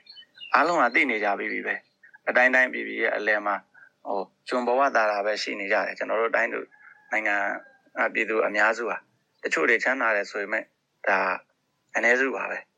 တချို့ကတော့ ခရိုနီတွေဒီအခွန်တုကန်နေမို့လို့ချမ်းသာတယ်တချို့ကအလွန်ကျွံကြိုးစားမှုကြောင့်ချမ်းသာကြတယ်ဒါပေမဲ့ဒါအ ਨੇ စုပဲတိုင်းပြည်လုံးနဲ့ရှင်ကြည့်လို့ရှင်တဘာဝအရင်မြစ်ကပေါ်ကျွယ်ဝပါပဲမဲ့အဲလူသားအရင်မြစ်တွေပြည့်စည်ပြီးနှိမ့်ကြနေတဲ့ဆင်းရဲမွဲတွေနေကြတာအားလုံးအတိပဲသူတို့ရဲ့အုပ်ချုပ်တဲ့အောက်မှာအဲ့ဒီလိုဟာတွေကရှေ့အနာဂတ်ကိုမွေးထုတ်တဲ့ကိုသားသမီးလေးတွေရဲ့မျက်နှာကိုကြိုပြီးမြင်ကြည့်လိုက်ကိုမွေးရဲ့သားသမီးတွေဟာအတိုင်းတိုင်းပြည်ပြည်အတွက်ကျွမ်းထွက်ခံဖို့ကိုမွေးထားခဲ့ရတယ်လို့ဖြစ်နေပြီဒီကောင်လေးကဆက်ရှိနေ အဲ့တော့ကိုမျိုးဆက်ကိုအနာဂတ်ထွန်းလင်းတော့ပါဖို့ပြည်သူတယောက်အနေနဲ့လည်းတာဝန်ကြီးပေးကြဟောနိုင်ငံသားတယောက်အနေနဲ့သို့မဟုတ်အနာဂတ်မျိုးဆက်တွေရဲ့အနာဂတ်မှာမွေးလာမဲ့သားသမီးလေးတွေရဲ့မိဘအနေနဲ့လည်းတာဝန်ကြီးကြဖို့ရဒီလူယုံမာတွေကိုရဲရဲရဲရဲသွန်းလှန်ကြဟိုရှင်လေးရနဲ့တည်နေရတဲ့ဘဝမှာဂုံတိတ်ခါမဲ့ရှင်သန်းမနေကြနဲ့လူဟာသူရဲကောင်းပြီးပြီးအာသာနီဆန်ဆန်ကိုသမိုင်းကိုရေးထိုးပြီးတော့ကိုအနာဂတ်မျိုးဆက်တွေအတွက်ရဲရဲရဲမှဒီပွဲမှာပါဝင်ကြ ဒီ2022မှာအားလုံးညီလို့ရှိရင်ကျန်တဲ့အချိန်တွေဟာနှစ်မကုန်ခင်ကျန်တဲ့အချိန်တွေကကျွန်တော်တို့ပြည်သူတွေလွတ်လွတ်လပ်လပ်ခုံပေါက်ပျော်ရွှင်ကြရမယ်ကာလဖြစ်သွားလိမ့်မယ်အားလုံးပါဝင်အဲဒါကြောင့်အများကြီးကြပါဒီပွဲကြီးအမြန်ပြီးပြီးတော့ကျွန်တော်တို့အနာဂတ်ခရီးမှာအတိုင်းတိုင်းပြည်ပြည်မှာကျွန်တော်တို့မျိုးဆက်တွေမျက်နှာအဲဟောလှဖို့ပေါ့တင်းတင်းတဲတဲနဲ့ရှိနေနိုင်တဲ့နိုင်ငံတင်းတင်းတဲတဲနဲ့ရှိနေနိုင်တဲ့အဲတိုင်းသားလူမျိုးတွေဖြစ်ကြဖို့ဒီပွဲကို အင်းနဲ့အားနဲ့ပါဝင်ပေးကြပါလို့ဒီစကိုင်းမှာဆိုလို့ရှိရင်လည်းဒါ local PDF တွေများစွာရှိတယ်စကိုင်းမှာမဟုတ်ပါဘူးတနိုင်ငံလုံးမှာလည်း local PDF တွေဒါများစွာရှိတယ်ပေါ့နော် အာဆရာတို့အနေနဲ့ကြတော့ဒါပလဲ PDF အဖြစ်ကနေမြန်မာတော်ဝင်ကတက်အဖြစ်ကိုဒါရောက်ရှိလာတာပေါ့နော်ဒီလိုမျိုးတော်လိုင်းမှာဒီပေါ့နော်ဒီတော်လိုင်းတက်သားတွေအနေနဲ့ဘာများအရေးကြီးဆုံးဖြစ်မလဲတော်လိုင်းတက်သားတွေရောဘာများပြောချင်ပါသလဲနောက်ထပ်ပေါ့နော်ဆရာတို့နဲ့ပူးပေါင်းခြင်းနေတဲ့တော်လိုင်းတက်သားတွေရှိလို့ရှိရင်ရောဘာများပူးပြောချင်ပါသလဲရှင်ပထမဆုံးမေးချင်တာတော့ဒီစကိုင်းတော်လိုင်းတက်သားတွေအတွက်ဘာများအရင်ပြောချင်ပါလဲရှင်အဲ့ဒါကြတော့သခိုင်းငယ်လို့မဟုတ်ဘူးကျွန်တော်တို့နိုင်ငံလုံးမှာရှိတဲ့ဒေါ်လာရေးတက်သားတွေအတွက်အရေးကြီးဆုံးပေါ့ ကျွန်တော်တို့ဒေါ်လာရေးတက်သားတွေအတွက်လိုအပ်ချက်လို့ပြောရင်တော့လက်နက်ခဲရမယ်ဘာအရေးကြီးဆုံးလဲလို့ပြောရင်တော့ကျွန်တော်အချိန်ချင်းလည်းပြောခဲ့ပူပါတယ်ကျွန်တော်တို့ကမယိုးသားတဲ့ပုံကိုယ်တွေကြောင့်အဲ့ဒီမယိုးသားတဲ့ပုံကိုယ်တွေကအတ္တဝါဒအတွက်ရှေ့တန်းတင်ရနေသူတို့အတ္တအတွက်လိန်ညာတယ်ရက်ဆက်တယ်အားရမဖတ်ကြတယ်ပေါ့အဲ့ဒီနည်းနဲ့အုပ်ချုပ်လာခဲ့လို့ကျွန်တော်တို့တိုင်းပြည်ပြတ်တာအဲ့ဒီတော့အဲစစ်ကောင်စီမှမဟုတ်ဘူးဘယ်လိုဘယ်လိုပဲဒီလောက်ရက်ကိုလှုပ်လို့ဒါအတိုင်းပြည်အတွက်အန်ရယ်ပဲအရင်လက်နက်ကိုင်တွေကိုတော်လန်ပြီးတော့နောက်လက်နက်ကိုင်တဲ့သူတွေကလည်း တော်လန်ရေးတော်အမိခံတယ်ဒါပေမဲ့အဲ့ဒီမျိုးသားမှုတွေနဲ့အတ္တဝါဒအာရမဝါဒတွေရှေ့တန်းပြန်တင်မိနေတစ်ချိန်မှာဒီတိုင်းပြည်လည်းပြက်အဲပြန်ပြီးပြက်စီးမယ်အဲလူလူအနေနဲ့လည်းဒီဟိုပုံစံမတူတဲ့ရက်စက်မှုတွေအောက်မှာပဲဘဝတွေရှေ့ကြရရလိမ့်မယ်အဲ့တော့ကျွန်တော်တို့တွေကဒေါ်လာရေးဒီအတ္တနဲ့အာရမကိုမကြိုက်လို့ဒေါ်လာနဲ့ကျွန်တော်တို့တွေကရိုးသားမှုကိုအဓိကမွေးကြရမယ်ဟိုအားလုံးကမွေးကြရရိုးသားတဲ့လူတွေမှမဟုတ်တာကျွန်တော်တို့ခုကျွန်တော်တို့ဆိုလဲ ဒီလိုပဲပုံမလင်းလင်းပြောရတော့တာမန်ကနဲ့စိတ်သက်တွေတာမန်ကလှူရှားမှုတွေနဲ့ပဲကြီးပြင်းခဲ့ကြဒါပေမဲ့ဒီနေ့ဒီနေရာကိုရောက်လာပြီဆိုတဲ့အခါမှာတော့ကျွန်တော်တို့ကတိုင်းပြည်အတွက်အဲအရေးကြီးတဲ့အလုပ်တွေကိုလှုပ်ဆောင်နေကြဘဝမြင်တာတော့မဟုတ်ဘူးဗျာတိုင်းပြည်အတွက်တန်ဖိုးရှိတဲ့ရဲဘော်တယောက်စီတိုင်းတန်ဖိုးရှိတဲ့လူတွေဖြစ်နေတန်ဖိုးရှိတဲ့လူတွေကကိုယ်တန်ဖိုးကိုသိပြီးတော့အဲ့တန်ဖိုးကိုမြင့်နိုင်နေမြမြင့်မှာဒီတိုင်းပြည်ရဲ့အနာဂတ်ကလည်းတန်ဖိုးမြင့်အဲ့တော့အဓိကအရေးကြီးဆုံးကတော့ကျွန်တော်တို့ဟိုတခြား အဲအသေးစိတ်တဲ့စကားတွေပြောနေကြမလို့ပါဘူးကျွန်တော်တို့ဘာလုပ်လို့အဓိကရိုးသားမှုကိုရှေ့တန်းတင်ရမယ်အတ္တနဲ့အာရမကိုတတ်နိုင်တယ်မြအတ္တဝါဒကိုနဲနိုင်တယ်မြနဲအောင်လုပ်မယ်အတ္တနဲသွားတဲ့လူဟာအလိုလိုอืมရိုးသားမှုအတွက်လည်းပြန်လာအားကောင်းလာမယ်စိတ်တဲ့အနေမှာဟုတ်ကဲ့မရိုးသားဘူးအတ္တကိုရှေ့တန်းတင်နေဆိုရင်တော့အဲ့ဒီအတ္တအတွက်လူဟာတစ်ချိန်ချိန်မှာအခုမဟုတ်တော့မှတစ်ချိန်ချိန်မှာညီမျိုးစုံနဲ့အာရမဖက်လာမှာအဲ့ဒါကြောင့်အားလုံးကအဲဒေါ်လာရေးအတွက်ရဲရင်ရင်နဲ့တကွအဓိကတော့ ရိုးသားတဲ့စိတ်တွေနဲ့ပြည်သူကိုမေတ္တာထားတဲ့စိတ်တွေနဲ့ပဲဒီဒေါ်လာရေးမှာဘာဝင်ဆင်နွှဲပေးကြဖို့ပြောချင်ပါတယ်အာအခုလိုဖြေချပေးရကျေးဇူးတင်ပါတယ်ဟုတ်ကဲ့ကျေးဇူးပါဆက်သွယ်မေးမြန်းချက်အစီအစဉ်ကိုမမေယူကတင်ဆက်ပေးခဲ့တာပါရှင်။ပြန်နိုင်စီစဉ်တွေကိုနားဆင်ကြရမှာပါ။ပြန်နိုင်ဝိုင်းတော်သားတွေကဆက်လက်တင်ဆက်ပေးမှာပါ။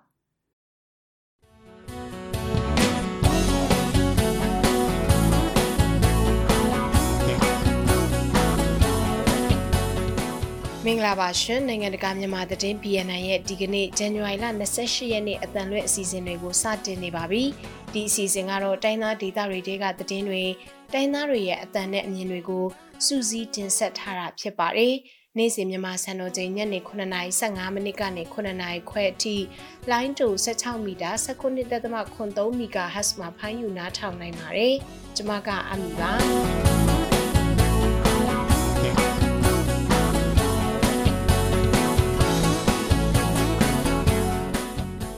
ဒီနေ့မှာကြားကြမယ့်သတင်းတွေကတော့ချင်းပြည်နယ်တောင်ပိုင်းမတူပီမင်းတက်လန်းကတိုက်ပွဲမှာစစ်ကောင်စီတပ်သား9ဦးသေဆုံးခဲ့ပါတယ်။လိုက်ကော်မှာတပ်ဖြတ်ပြီးတော့အိမ်သာကျင်းထဲပြစ်ချခံရတဲ့လူငယ်တွေထဲမှာအသက်16နှစ်မပြည့်သူ၄ဦးပါဝင်ပါတယ်။ COVID-19 ကူးစက်ခံရသူများလာတာကြောင့်အိန္ဒိယနယ်စပ်လမ်းကြောင်းကကလေးမျိုးဝလူတွေကိုထွက်ခွာခွင့်ပိတ်ထားလိုက်တဲ့အကြောင်းကိုနောက်ပိုင်းမှာကြားကြရမှာပါ။သတင်းတွေကိုတော့ကျွန်မနဲ့အတူဆိုင်းမွန်းကနေတင်ဆက်ပြီးသွားမှာပါ။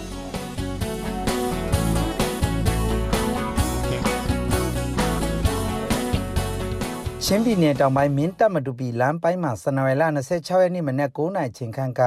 CDF မတူပီနဲ့စစ်ကောင်စီတပ်ဖွဲ့တို့တိုက်ပွဲဖြစ်ပွားခဲ့ရမှာစစ်ကောင်စီတပ်သား9ဦးသေဆုံးပြီး10ဦးတန်ရာရရှိခဲ့တယ်လို့ CDF မတူပီပြန်ကြားရေးတာဝန်ခံတို့ကပြောပါတယ် တေဆုံးတော့တဲ့စစ်ကောင်စီတပ်သားတွေဟာစနဝိုင်လ24ရက်နေ့ကမတူပီမြို့တပ်စခန်းကနေမင်းတပ်ဘက်ကိုလှည့်ပြီးပြန်သွားတဲ့စစ်ရင်တန်းဖြစ်ပြီးမတူပီမြို့ကနေမိုင်တိုင်စစ်ဆယ်ရောက်နားမှာ CDF မတူပီကတိုက်ခိုက်ခဲ့တာဖြစ်ပါတယ်စစ်ကောင်စီတပ်ဘက်ကလည်းလက်နက်ကြီးတွေရန်တမ်းပစ်ခတ်ခဲ့တဲ့အတွက်အနီးအနားကျေးရွာတွေမှာကြားရောက်ပောက်ကွဲမှုတွေရှိခဲ့ပါတယ်တအပြင်စနဝိုင်လ26နေ့ညနေ4နာရီလောက်တုန်းကလည်း CDF မတူပီနဲ့ CNA ပူးပေါင်းတပ်ဖွဲ့တို့ကမတူပီပလဲဝလမ်းမပေါ်မှာစစ်ကောင်စီတပ်ခမရ3 334တပ်ရင်းစခန်းကိုလည်းဝင်ရောက်ပစ်ခတ်ခဲ့တဲ့အတွက်စစ်ကောင်စီတပ်သား10ဦးသေဆုံးတဲ့အပြင်10ဦးထက်မနည်းတန်ရာရရှိခဲ့တယ်လို့လည်းသိရပါတယ်။မတူပီမြို့ကနေပြန်လာတဲ့စစ်ကောင်စီတပ်စီရင်တန်းအစီ60ခန့်ဟာမင်းတပ်မြို့နယ်မင်းတပ်မတူပီလန်16မိုင်အကြားမှာရောက်ရှိလာတဲ့အကြောင်းပြည်သူအနေနဲ့တောလမ်းမှာရောကားလမ်းမှာပါခရီးတွားလာတာတွေမလုပ်ဖို့ဘေးကင်းတဲ့ချိန်ရောက်လို့ရှိရင်မင်းတပ်မြို့နယ်ပြည်သူ့အုပ်ချုပ်ရေးအဖွဲ့ကနေပြန်လည်တည်င်းကြားပေးမယ်လို့လည်းတည်င်းထုတ်ပြန်ထားပါတယ်။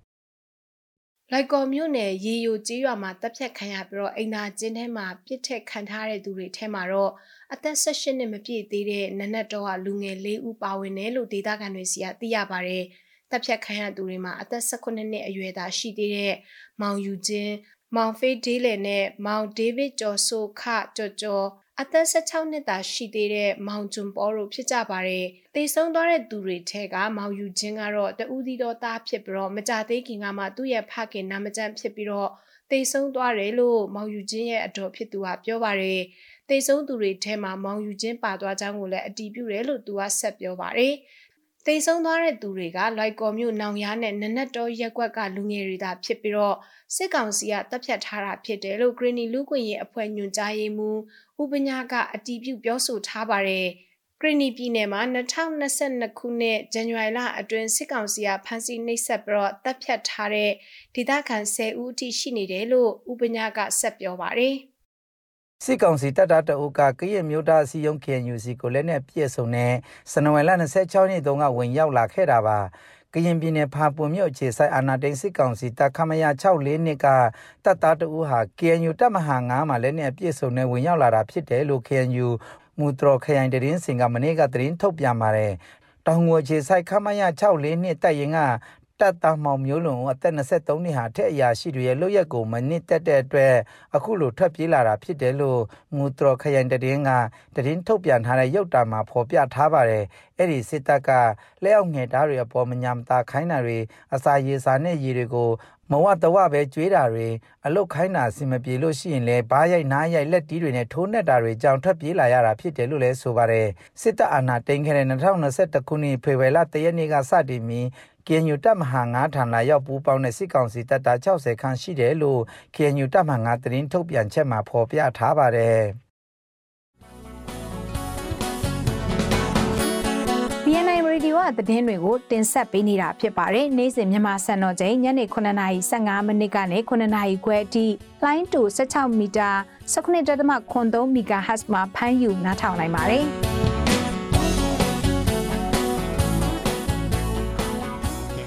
ကချင်ပြည်နယ်မြစ်ကြီးနားမြို့အင်ဂျန်တုံမန်ခရင်လန်းဆောင်အဝိုင်းပတ်တစ်ခုဖြစ်တဲ့ဒီသားဖ၃ယောက်ထင်းစီကျိုးရုပ်တုအနီးမှာတော့စစ်ကောင်စီတပ်သားတွေကလမ်းသွားလမ်းလာဒေသခံတွေကိုမင်းည၈နာရီလောက်ကလိုက်လံပစ်ခတ်ခဲ့ပါတယ်လမ်းသွားလမ်းလာပြည်သူတွေကို VPN စစ်ဆေးရာကနေစဖြစ်လာတယ်လို့ဆိုကြပေမဲ့ပြစ်ခတ်မှုနဲ့ပတ်သက်ပြီးတော့အကြောင်းရင်းကိုတော့မသိရသေးဘူးလို့မျက်မြင်သက်သေတယောက်ကပြောပါတယ်တနက်ပြစ်ခတ်တာမိနစ်20လောက်ပြစ်ခတ်ခဲ့ကြပြီးတော့ဘုံတွေပါဖောက်ခွဲခဲ့တယ်လို့သိရပါတယ်။ တနက်ပစ်ခတ်မှုကြောင့်အနီးနားကနေအိမ်တချို့ထိမှန်ခဲ့တဲ့အပြင်ဒဏ်ရာရတဲ့သူတချို့ရှိတယ်ဆိုပေမဲ့အတီးပြုတ်နိုင်ခြင်းတော့မရှိပါဘူး။တနက်ပစ်ခတ်ပြီးတဲ့နောက်စစ်သားအယောက်20လောက်ကစစ်ဆေးမှုတွေဆက်လက်လှုပ်ဆောင်နေတယ်လို့လည်းသိရပါတယ်ရှင်။ KNU ကရင်မျိုးသားအစည်းအရုံးထိချုပ်နယ်မြေတူးပလယာခရိုင်ကော့ကရိတ်မြို့နယ်မှာအခုရက်ပိုင်းတွင်စစ်ကောင်စီတပ်ကတဖန်ထိုးစစ်ဆင်လာတာကြောင့်တောင်းနဲ့ကြီးတဲ့ဒေသခံတွေထပ်မံထွက်ပြေးတင်းရှောင်လာတဲ့အတွက်ဖွင့်လှစ်ထားတဲ့ကော်တူးလေပညာရေးဌာနစာတင်ကျောင်းတချို့တွေမှာပိတ်ထားလိုက်ရပါတယ်။ကော့ကရိတ်မြို့နယ်ထဲမှာစစ်ကောင်စီတပ်ကလက်တလောနယ်မြေကျော်လွန်ဝင်ရောက်ပြီးထိုးစစ်ဆင်လာတဲ့အတွက်ရေးရွာ29ရွာကဒေသခံလူထုတောင်းနီးပါထွက်ပြေးနေပြီးတော့ ကော်တူးလေပညာရေးနဲ့ယဉ်ကျေးမှုဌာန KECD အုပ်ချုပ်မှုအောက်ရှိစာတင်ကျောင်းတချို့ပိတ်ထားလိုက်ရတဲ့အပြင်ကျန်စာတင်ကျောင်းတချို့တွေလည်းအချိန်စောပြီးစာမင်းပွဲဖြေဖို့ရှိတယ်လို့နေမြေခံပညာရေးတာဝန်ရှိသူတွေက KIC တင်ဌာနကိုပြောပါတယ်ဒေတာအတွင်းအခြေအနေတည်ငြိမ်မှုမရှိတာကြောင့် KNU ကော့ကရိတ်မြို့နယ်မှာလက်တလောပိတ်ထားရတဲ့စာတင်ကျောင်းပေါင်း10ကျောင်းရှိနေပြီဖြစ်တယ်လို့ကျန်စာတင်ကျောင်းတွေလည်းဆက်လက်ဖွင့်နေပေမဲ့စိုးရိမ်စိတ်နဲ့ကျောင်းတက်နေရတယ်လို့သိရပါတယ်။ 2021-22ပညာတင်နှစ်မှာကော့ကရိတ်မြို့နယ်ကော်တူးလေပညာရေးနဲ့ယဉ်ကျေးမှုဌာန KECD အုပ်ချုပ်မှုအောက်ဖွင့်လှစ်ထားတဲ့စာတင်ကျောင်း64ကျောင်းအနက်အထက်တန်း3ကျောင်းအလယ်တန်း5ကျောင်းနဲ့မူလတန်း38ကျောင်းရှိပြီးကောလိပ်အဆင့်အထက်တန်းလွင်ကျောင်း2ကျောင်းရှိတယ်လို့မြို့နယ်ပညာရေးဌာနတာဝန်ရှိသူတွေကပြောပါတယ်လာမယ့်ဖေဖော်ဝါရီလ၁ရက်နေ့စစ်အာဏာသိမ်းတာတစ်နှစ်ပြည့်တဲ့နေ့မှာတနိုင်ငံလုံးအတိုင်းအတာအတန်တိတ်တပိတ်လှုပ်ဆောင်ဖို့ လူမှုကွန်ရက်စာမျက်နှာမှာလှုပ်ဆော်နေတဲ့အချိန်မှာပဲစစ်ကောင်စီဘက်ကလည်းအဲ့ဒီလှုပ်ရှားမှုမှာမပါဝင်ကြဖို့ပြန်လည်ဖိအားပေးနေပါတယ်စစ်အာဏာရှင်ကိုလွန်ဆန်တဲ့လုပ်ရက်ဖြစ်တဲ့အတွက်ဖေဖော်ဝါရီလ၁ရက်နေ့မှာဈေးဆိုင်တွေကိုလာမဖွင့်မဲပိတ်ထားမယ်ဆိုရင်ဆိုင်ခန်းတွေကိုချိတ်ပိတ်မှာဖြစ်ပြီးတော့ဆိုင်ခန်းတွင်းမှာရှိတဲ့ပစ္စည်းတွေကိုလည်းသိမ်းယူမှာဖြစ်ကြောင်းစစ်ကောင်စီကနေရအနက်မှာလိုက်လံနှိုးဆော်နေတာပါ။ ရှမ်းပြည်နယ်အတွင်းမှာရှိတဲ့ဈေးဆိုင်ခန်းတွေကိုမပိတ်ကြဖို့အတွက်စစ်ကောင်စီလက်အောက်ခံစီပင်သားရရေးနဲ့ရဲတွေကလက်မှတ်လာရောက်ထိုးခိုင်းကြောင်းလည်းဒေသခံတွေကပြောပါတယ်အလားတူကချင်ပြည်နယ်မြစ်ကြီးနားမြို့မှာလည်းဒီအတန်တိတ်တပိတ်မှာပါဝင်ကြမယ်ဆိုရင်ဖမ်းဆီးအရေးယူမယ်ဆိုပြီးတော့မြို့နယ်ထွေအုပ်နဲ့ရဲတပ်ဖွဲ့ဝင်တွေကလက်ကမ်းစာဆောင်တွေနဲ့လိုက်လံချင်းချောက်နေတယ်လို့ပြောပါတယ်အတန်တိတ်တပိတ်မှာပါဝင်ဆင်နွှဲသူတွေကိုနိုင်ငံတော်အကြီးအကျယ်ပြည့်စုံမှုဥပဒေပုံမှန်905ကကြီး နိုင်ငံတော်ပုံကံမှုဥပဒေပုံမှ114ကကြီးအကြမ်းဖက်တိုက်ဖျက်ရေးဥပဒေပုံမှ52ကကြီးနဲ့ electronic ဥပဒေပုံမှ33ကကြီးစတဲ့ပုံမှတွေနဲ့ဖမ်းဆီးအရေးယူမယ်လို့စစ်ကောင်စီကဇန်နဝါရီလ25ရက်နေ့ကထုတ်ပြန်ထားတဲ့ကြေညာချက်ထဲမှာပါရှိပါတယ်ရှင်။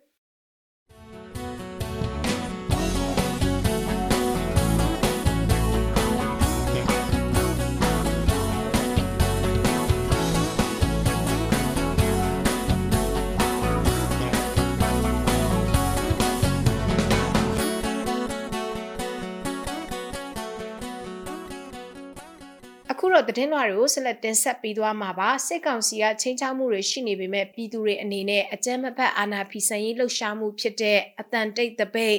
Silent Strike မှာပါဝင်ပူးပေါင်းပေးဖို့ဒီမိုကရေစီအရေးတက်ကြွလှုပ်ရှားသူတွေနဲ့မော်လမြိုင်တက္ကသိုလ်ကျောင်းသားများတမကကတိုက်တွန်းလိုက်ပါတယ်အသေးစိတ်ကိုတော့တန်လွင် time သတင်းဌာနကမြကြီးမုံကတင်ဆက်ပေးထားပါတယ်မြန်မာနိုင်ငံမှာအာဏာသိမ်းမှုတစ်နှစ်ပြည့်တဲ့လာမယ့်ဖေဖော်ဝါရီလ၁ရက်နေ့မှာ အာနာဖီဆန်ရေးလှုပ်ရှားမှုအတန်တိတ်တပိတ် Silence Street ကိုနိုင်ငံတော်ဝန်မှတပြိုင်နက်ပြုလုပ်ဖို့ဒီမိုကရေစီအရေးလှုပ်ရှားနေသူတွေကတိုက်တွန်းထားပါတယ်။စစ်ကောင်စီကတော့အဲ့ဒီလှုပ်ရှားမှုမှာပြည်သူတွေမပါဝင်ဖို့နဲ့ပါဝင်ရင်ပုံမှန်အမျိုးမျိုးတက်ပြီးအရေးယူမယ်လို့ရက်ွက်အတွင်းလှည့်လည်ကြေညာပြီးချိန်ချောက်ထားပါတယ်။ စစ်အာဏာရှင်တော်လှန်ရေးတစ်နှစ်ပြည့်မှာပြည်သူတွေအနေနဲ့စစ်ကောင်စီရဲ့ချင်းချောက်မှုတွေကိုလုံးဝလက်မခံဘဲအတန်တိတ်တပိတ် silence trade မှာပူးပေါင်းပါဝင်ပေးဖို့ဒီမိုကရေစီအရေးတက်ကြွလှုပ်ရှားသူတူကတော့အခုလိုတိုက်တွန်းလိုက်ပါတယ်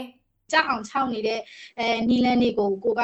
အရှုံးမပေးလိုက်ဘူးပေါ့နော်အဓိကတော်လန်နေဆိုတဲ့ကပြည်သူတွေကဟိုဒီတစ်နှစ်ပြည့်ပြီပေါ့ဒီတစ်နှစ်ပြည့်တဲ့မှာပြည်သူတွေခုချိန်ကြီးဇွဲရှိရှိနဲ့တော်လန်လာခဲ့တယ်ပေါ့နော်အာလုံးဝသူ့ကိုလုံးဝအရှုံးမပေးဘဲနဲ့တော်လန်လာဖြစ်တဲ့အတွက်ကြောင့် ဒီနေ့ရဲ့ silent strike မှာလည်းလုံးဝအကြရှုံမှုမရှိပါနဲ့အအောင်မြင်ပြီးသွားဖို့အတွက်တိုက်တွန်းခြင်းနဲ့ပေါ့နော်ကိုယ့်ရဲ့အသက်အနေရရောကိုယ့်ရဲ့မိသားစုအနေရရောဉာဏ်ရှိရှိနဲ့သူ့ကိုတော်လှန်ပြီးတော့မှပူပေါင်းပါဝင်ပေးဖို့ကောင်းဆိုချင်ပါတယ် ဖေဖော်ဝါရီလ၁ရက်နေ့မှာပြည်သူတွေအနေနဲ့မနက်10:00နာရီကနေညနေ4:00နာရီအထိစစ်အာဏာရှင်တွေကိုစန့်ကျင်တဲ့အနေနဲ့ဆိုင်တွေဈေးတွေပိတ်တာလမ်းပေါ်မှာရင်တွေလူတွေမသွားလာပဲနေအိမ်မှာပဲနေထိုင်ပြီးတိတ်ဆိတ်ငြိမ်သက်မှုနဲ့ဆန္ဒဖော်ထုတ်ကြဖို့တိုက်တွန်းထားတာပါမော်လမြိုင်တက္ကသိုလ်ကျောင်းသားများသမဂ္ဂဥက္ကဋ္ဌမင်းတန့်စင်ဦးကလည်းစစ်ကောင်စီရဲ့အမိန့်ညွှန်ကြားချက်တွေကိုလက်မခံဘဲအတန်တိတ်တပိတ် silent stream မှာပြည်သူတရက်လုံးပူးပေါင်းပါဝင်ပေးကြဖို့မြစ်တာရက်ခံလိုက်ပါတယ်။ ပြည်သူလည်းကိုလုံးဆက်ရှိတာကိုလုံးဖို့နဲ့အဲဘယ်မိတ်ဆွေချက်အမိတ်ဘူးမှကျွန်တော်နားခံရမလို့အဲကျွန်တော်ပြည်သူဆိုရရှိတယ်အဲပြည်သူရှိတယ်ကျွန်တော်ကျောင်းသားအာ PDF ရဲဘော်တွေရှိတယ်အဲသူတို့လည်းအတူပူးပေါင်းပြီးတော့ပေါ့နော်အတူပူးပေါင်းပြီးတော့ဆက်လက်ပြီးတော့အကျမ်းမဖတ်အာနာခိကန်ဆိုတာနဲ့ပဲ silence မှာပူးပေါင်းပါဝင်ပြီးဖို့မြေတဲ့ခံလို့ပဲပေါ့ လက်ရှိမှာတော့အာနာသိန်းစစ်ကောင်စီဟာအတန်တိတ်တပိတ် Silent Street မှာပါဝင်ဖို့လှုပ်ဆော်တာတွေပြုလုပ်ရင်အကြမ်းဖက်မှုတိုက်ဖျက်ရေးဥပဒေပုံမှန်52ကကြီးရာဇသက်ကြီးပုံမှန်124ကကြီး905ကကြီး Electronic ဆက်သွယ်ရေးဥပဒေပုံမှန်33ကကြီးအပြင်တည်ဆဲဥပဒေတွေအရအရေးယူသွားမယ်လို့ချင်းချောက်ထားပါတယ်မွန်ပြည်နယ်မှာလိုပဲရန်ကုန်နဲ့အခြားမြို့ကြီးတွေမှာလည်းစစ်ကောင်စီကအတန်တိတ်တပိတ်မှာပါရင်အရေးယူမယ်ဆိုပြီးချင်းချောက်မှုတွေလုပ်နေပါတယ်။ စကိုင်းတိုင်းကလေးမြို့မှာမနေ့ကစပြီးခီးတဲ့တင်မော်တော်ယာဉ်လိုင်းပြေးဆွဲမှုကိုစစ်ကောင်စီကအကန့်အသတ်မရှိပိတ်လိုက်ပါတယ်။ဘာကြောင့်အခုလိုမျိုးပိတ်ပင်လိုက်ရတာပါလဲ။ဒီလိုပိတ်ပင်လိုက်တာကြောင့်ဘလိုမျိုးအကျိုးဆက်တွေဖြစ်လာနိုင်လဲ။အကြောင်းစုံကိုတော့ကိုရောဘက်ကစူးစီးပေးထားပါတယ်ရှင်။အခုရက်ပိုင်းအတွင်းကလေးမြို့မှာ COVID-19 ရောဂါကူးစက်ခံရသူတွေများလာတာကြောင့်ဆိုပြီး ကလေးမြို့ကနေတခြားမြို့တွေကိုပြေးဆွဲနေတဲ့ခရီးသည်တင်မော်တော်ယာဉ်လိုင်းတွေအားလုံးကိုစစ်ကောင်စီကမနေ့ကစပြီးပိတ်ပင်လိုက်တာလို့ကလေးမန်းလေးရန်ကုန်ပြေးဆွဲနေတဲ့ကားအသင်းပိုင်ရှင်တဦးကပြောပါတယ်သူတို့ကတော့ဘယ်လိုလဲယောဂါကြောင့်ကိုဗစ်ကြောင့်လို့လည်းပြောရတော့ကလေးနဲ့တမှုနဲ့များနေတာဆိုတော့လေဟိုဟိုအထက်ကိုပိတ်ပြီးတော့အဝင်မဲ့လက်ခံတယ်ဆက်ပါချင်းသူကဆေးစစ်ရင်ရတယ်ပေါ့ဗျာဆေးစစ်ရင်ရတယ်ပေါ့ဆေးစစ်ပြီးရင်တော့တွားလို့ရတယ်ဆိုပြီးတော့တော့အကုန်လုံးခီးရည်လည်းဆက်ဆက်ပေးကြပြီလေအဲမနေ့ကတော့အဲ့မှာဖြစ်ပြီးတော့ဆေးစစ်လည်းမရဘူးခီးရည်ဘယ်လိုမှထွက်ခွင့်မပေးဘူးဆိုတော့အကုန်လုံးကားတွေအကုန်ပြန်လှည့်ရတယ်ဒီကုန်းရွာနေပြန်လှည့်ခဲ့ရတယ်အကုန်လုံးတော့လောဆယ်တော့ခက်ခဲဖြစ်ကုန်ကြပြီလေပြီးတော့တော့ခင်ဗျဘာမှမရတော့ဘူးကားတွေလည်းဒီတိုင်းရက်နာထားတာပေါ့ပြီးခဲ့တဲ့ဇန်နဝါရီလ24ရက်နေ့ကအိန္ဒိယမြန်မာနယ်စပ်စကိုင်းတိုင်းတမူးမြို့မှာ COVID-19 ရောဂါကူးစက်ခံရသူ80ကျော်တွေ့ရှိပြီးနောက်ကလေးမြို့မှာလည်းဇန်နဝါရီလ26ရက်နေ့ကနေ28ရက်နေ့အထိနှစ်ရက်အတွင်း COVID ကူးစက်ခံရသူ26ဦးတွေ့ရှိခဲ့တဲ့အတွက်ကြောင့်ခုလိုရင်လိုင်းပြေးဆွဲမှုကိုရနာခိုင်းထားတာဖြစ်ပြီးဘယ်ချိန်ပြန်ဖွင့်ပေးမလဲဆိုတာတော့မသိရသေးဘူးလို့သူကဆိုပါတယ်။ကလေးမြို့မှာရခင်ကတော့ကလေးမန်းလေးရန်ကုန်လေးချောင်းလိုင်းပုံမှန်ပြေးဆွဲမှုတွေရှိခဲ့ပြီးမြဲအိန္ဒိယနိုင်ငံမှာ Omicron COVID မျိုးကွဲဗီဇတွေ့ရှိတယ်ဆိုပြီးကလေးမြို့လေဆိပ်ကိုပြီးခဲ့တဲ့2021ခုနှစ်ဒီဇင်ဘာလ6ရက်နေ့ကစပြီးယခုချိန်ထိစစ်ကောင်စီကပိတ်ပင်ထားသလိုခုတခါကားလိုင်းပြေးဆွဲမှုတွေပါထပ်မံပိတ်ပင်လိုက်တာကြောင့်ကလေးမြို့ကပြည်သူတွေအပြင်ချင်းပြည်နယ်မြောက်ပိုင်းကပြည်သူတွေအတွက်ပါအခက်အခဲဖြစ်ကုန်တယ်လို့ကလေးမြို့ဒေသခံတူကပြောပါတယ်ဒီလိုချိန်က ခရီးသွားအများဆုံးပေါ့နော် လေရင်လက်ပိတ်တယ်ဆိုတော့ဟိုကကြွလာလို့ မရဘူးပေါ့နော် ဒီကလေးမြို့တာမက ကျွန်တော်ဒီ ဖလန်ပြီးရင်တက်တာ အခက်အခဲဖြစ်တယ်ပေါ့နော် စီးပွားရေးကတစ်သူပေါ်ကျမ်းမာရေးကတစ်ဖြစ်ပေါ့နော်ဒါဒုက္ခရတယ်ပေါ့နော် တချို့ဆိုရင်ဟိုဒီ passport တင်ပို့သွားကြတယ်လူများဒီလိုချင်းချင်းစီရောင်းတဲ့အထည်အလုပ်တွေပေါ့နော် အဲ့ဒီအတွက်လည်း ဈေးတယ်ကြလည်း ကုန်တယ်ကြလည်း အခက်အခဲဖြစ်တယ်ပေါ့နော် ယခုလက်ရှိမှာတော့ ခရီးသည်တင်ရင်လိုင်းပြေးဆွဲမှုတွေ ရပ်နားထားပြီးမြဲကုန်တင်ကားတွေကိုတော့ ပြေးဆွဲခွင့်ပြုထားတယ်လို့ သိရပါတယ် ကလေးမြို့မှာ ကလေးမန်းလေးရန်ကုန်ပြေးဆွဲတဲ့ ကားအသေးအပါဝင် မော်တော်ယာဉ်လိုင်းပေါင်း10ခုကျော်လောက်ရှိပြီး ကလေးကန်ကိုလမ်းပိုင်းမှာ စစ်ကောင်စီနဲ့ ပြည်သူ့ကာကွယ်တပ်ဖွဲ့တို့ တိုက်ပွဲဖြစ်ပွားမှုတွေကြောင့်မုံရွာမန်းလေးရန်ကုန်ကိုကလေးဝမဟာမြိုင်လမ်းဘက်ကနေပြေးဆွဲနေကြရတာဖြစ်ပါတယ်။ကလေးမြို့ဟာအိန္ဒိယနိုင်ငံဘက်ကိုဆက်သွယ်တဲ့အဓိကအချက်ချက်ကြားတဲ့မြို့တစ်မြို့ဖြစ်ပြီးမနှစ်2021ခုနှစ်တုန်းက COVID-19 ရောဂါကူးစက်မှုအကြီးအကျယ်ခံခဲ့ရတယ်လို့လူပေါင်း1000ကျော်လောက်ကိုဗစ်ကြောင့်တည်ဆုံခဲ့ရပါတယ်ခင်ဗျာ။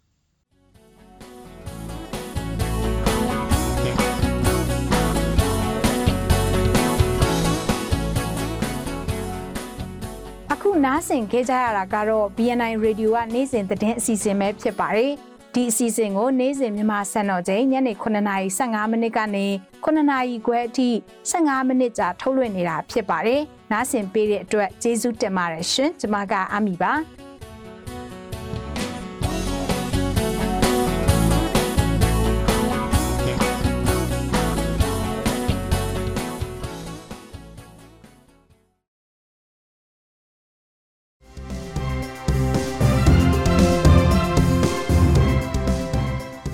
စီမရေဒီယိုရဲ့ဒီကနေ့ညရဲ့သတင်းတွေကတော့ဒီလောက်ပါပဲမြန်မာနိုင်ငံသူနိုင်ငံသားအပေါင်းဆရာနာရှင်ဘေးကနေကင်းဝေးပြီးကိုစိတ်နှပါကျန်းမာချမ်းသာပါစေလို့မြစီမရေဒီယိုအဖွဲ့သားတွေကဆုတောင်းမြတ်တာပို့သလိုက်ရပါတယ်မြန်မာပြည်သူများနဲ့အတူရက်တည်နေမိတ်မြစီမရေဒီယိုပဲဖြစ်ပါတယ်နားဆင်ကြကြသူတွေအားလုံးကျန်းမာကြပါစေရှင်မင်္ဂလာရှိတဲ့ညချမ်းကိုပိုင်ဆိုင်နိုင်ကြပါစေရှင်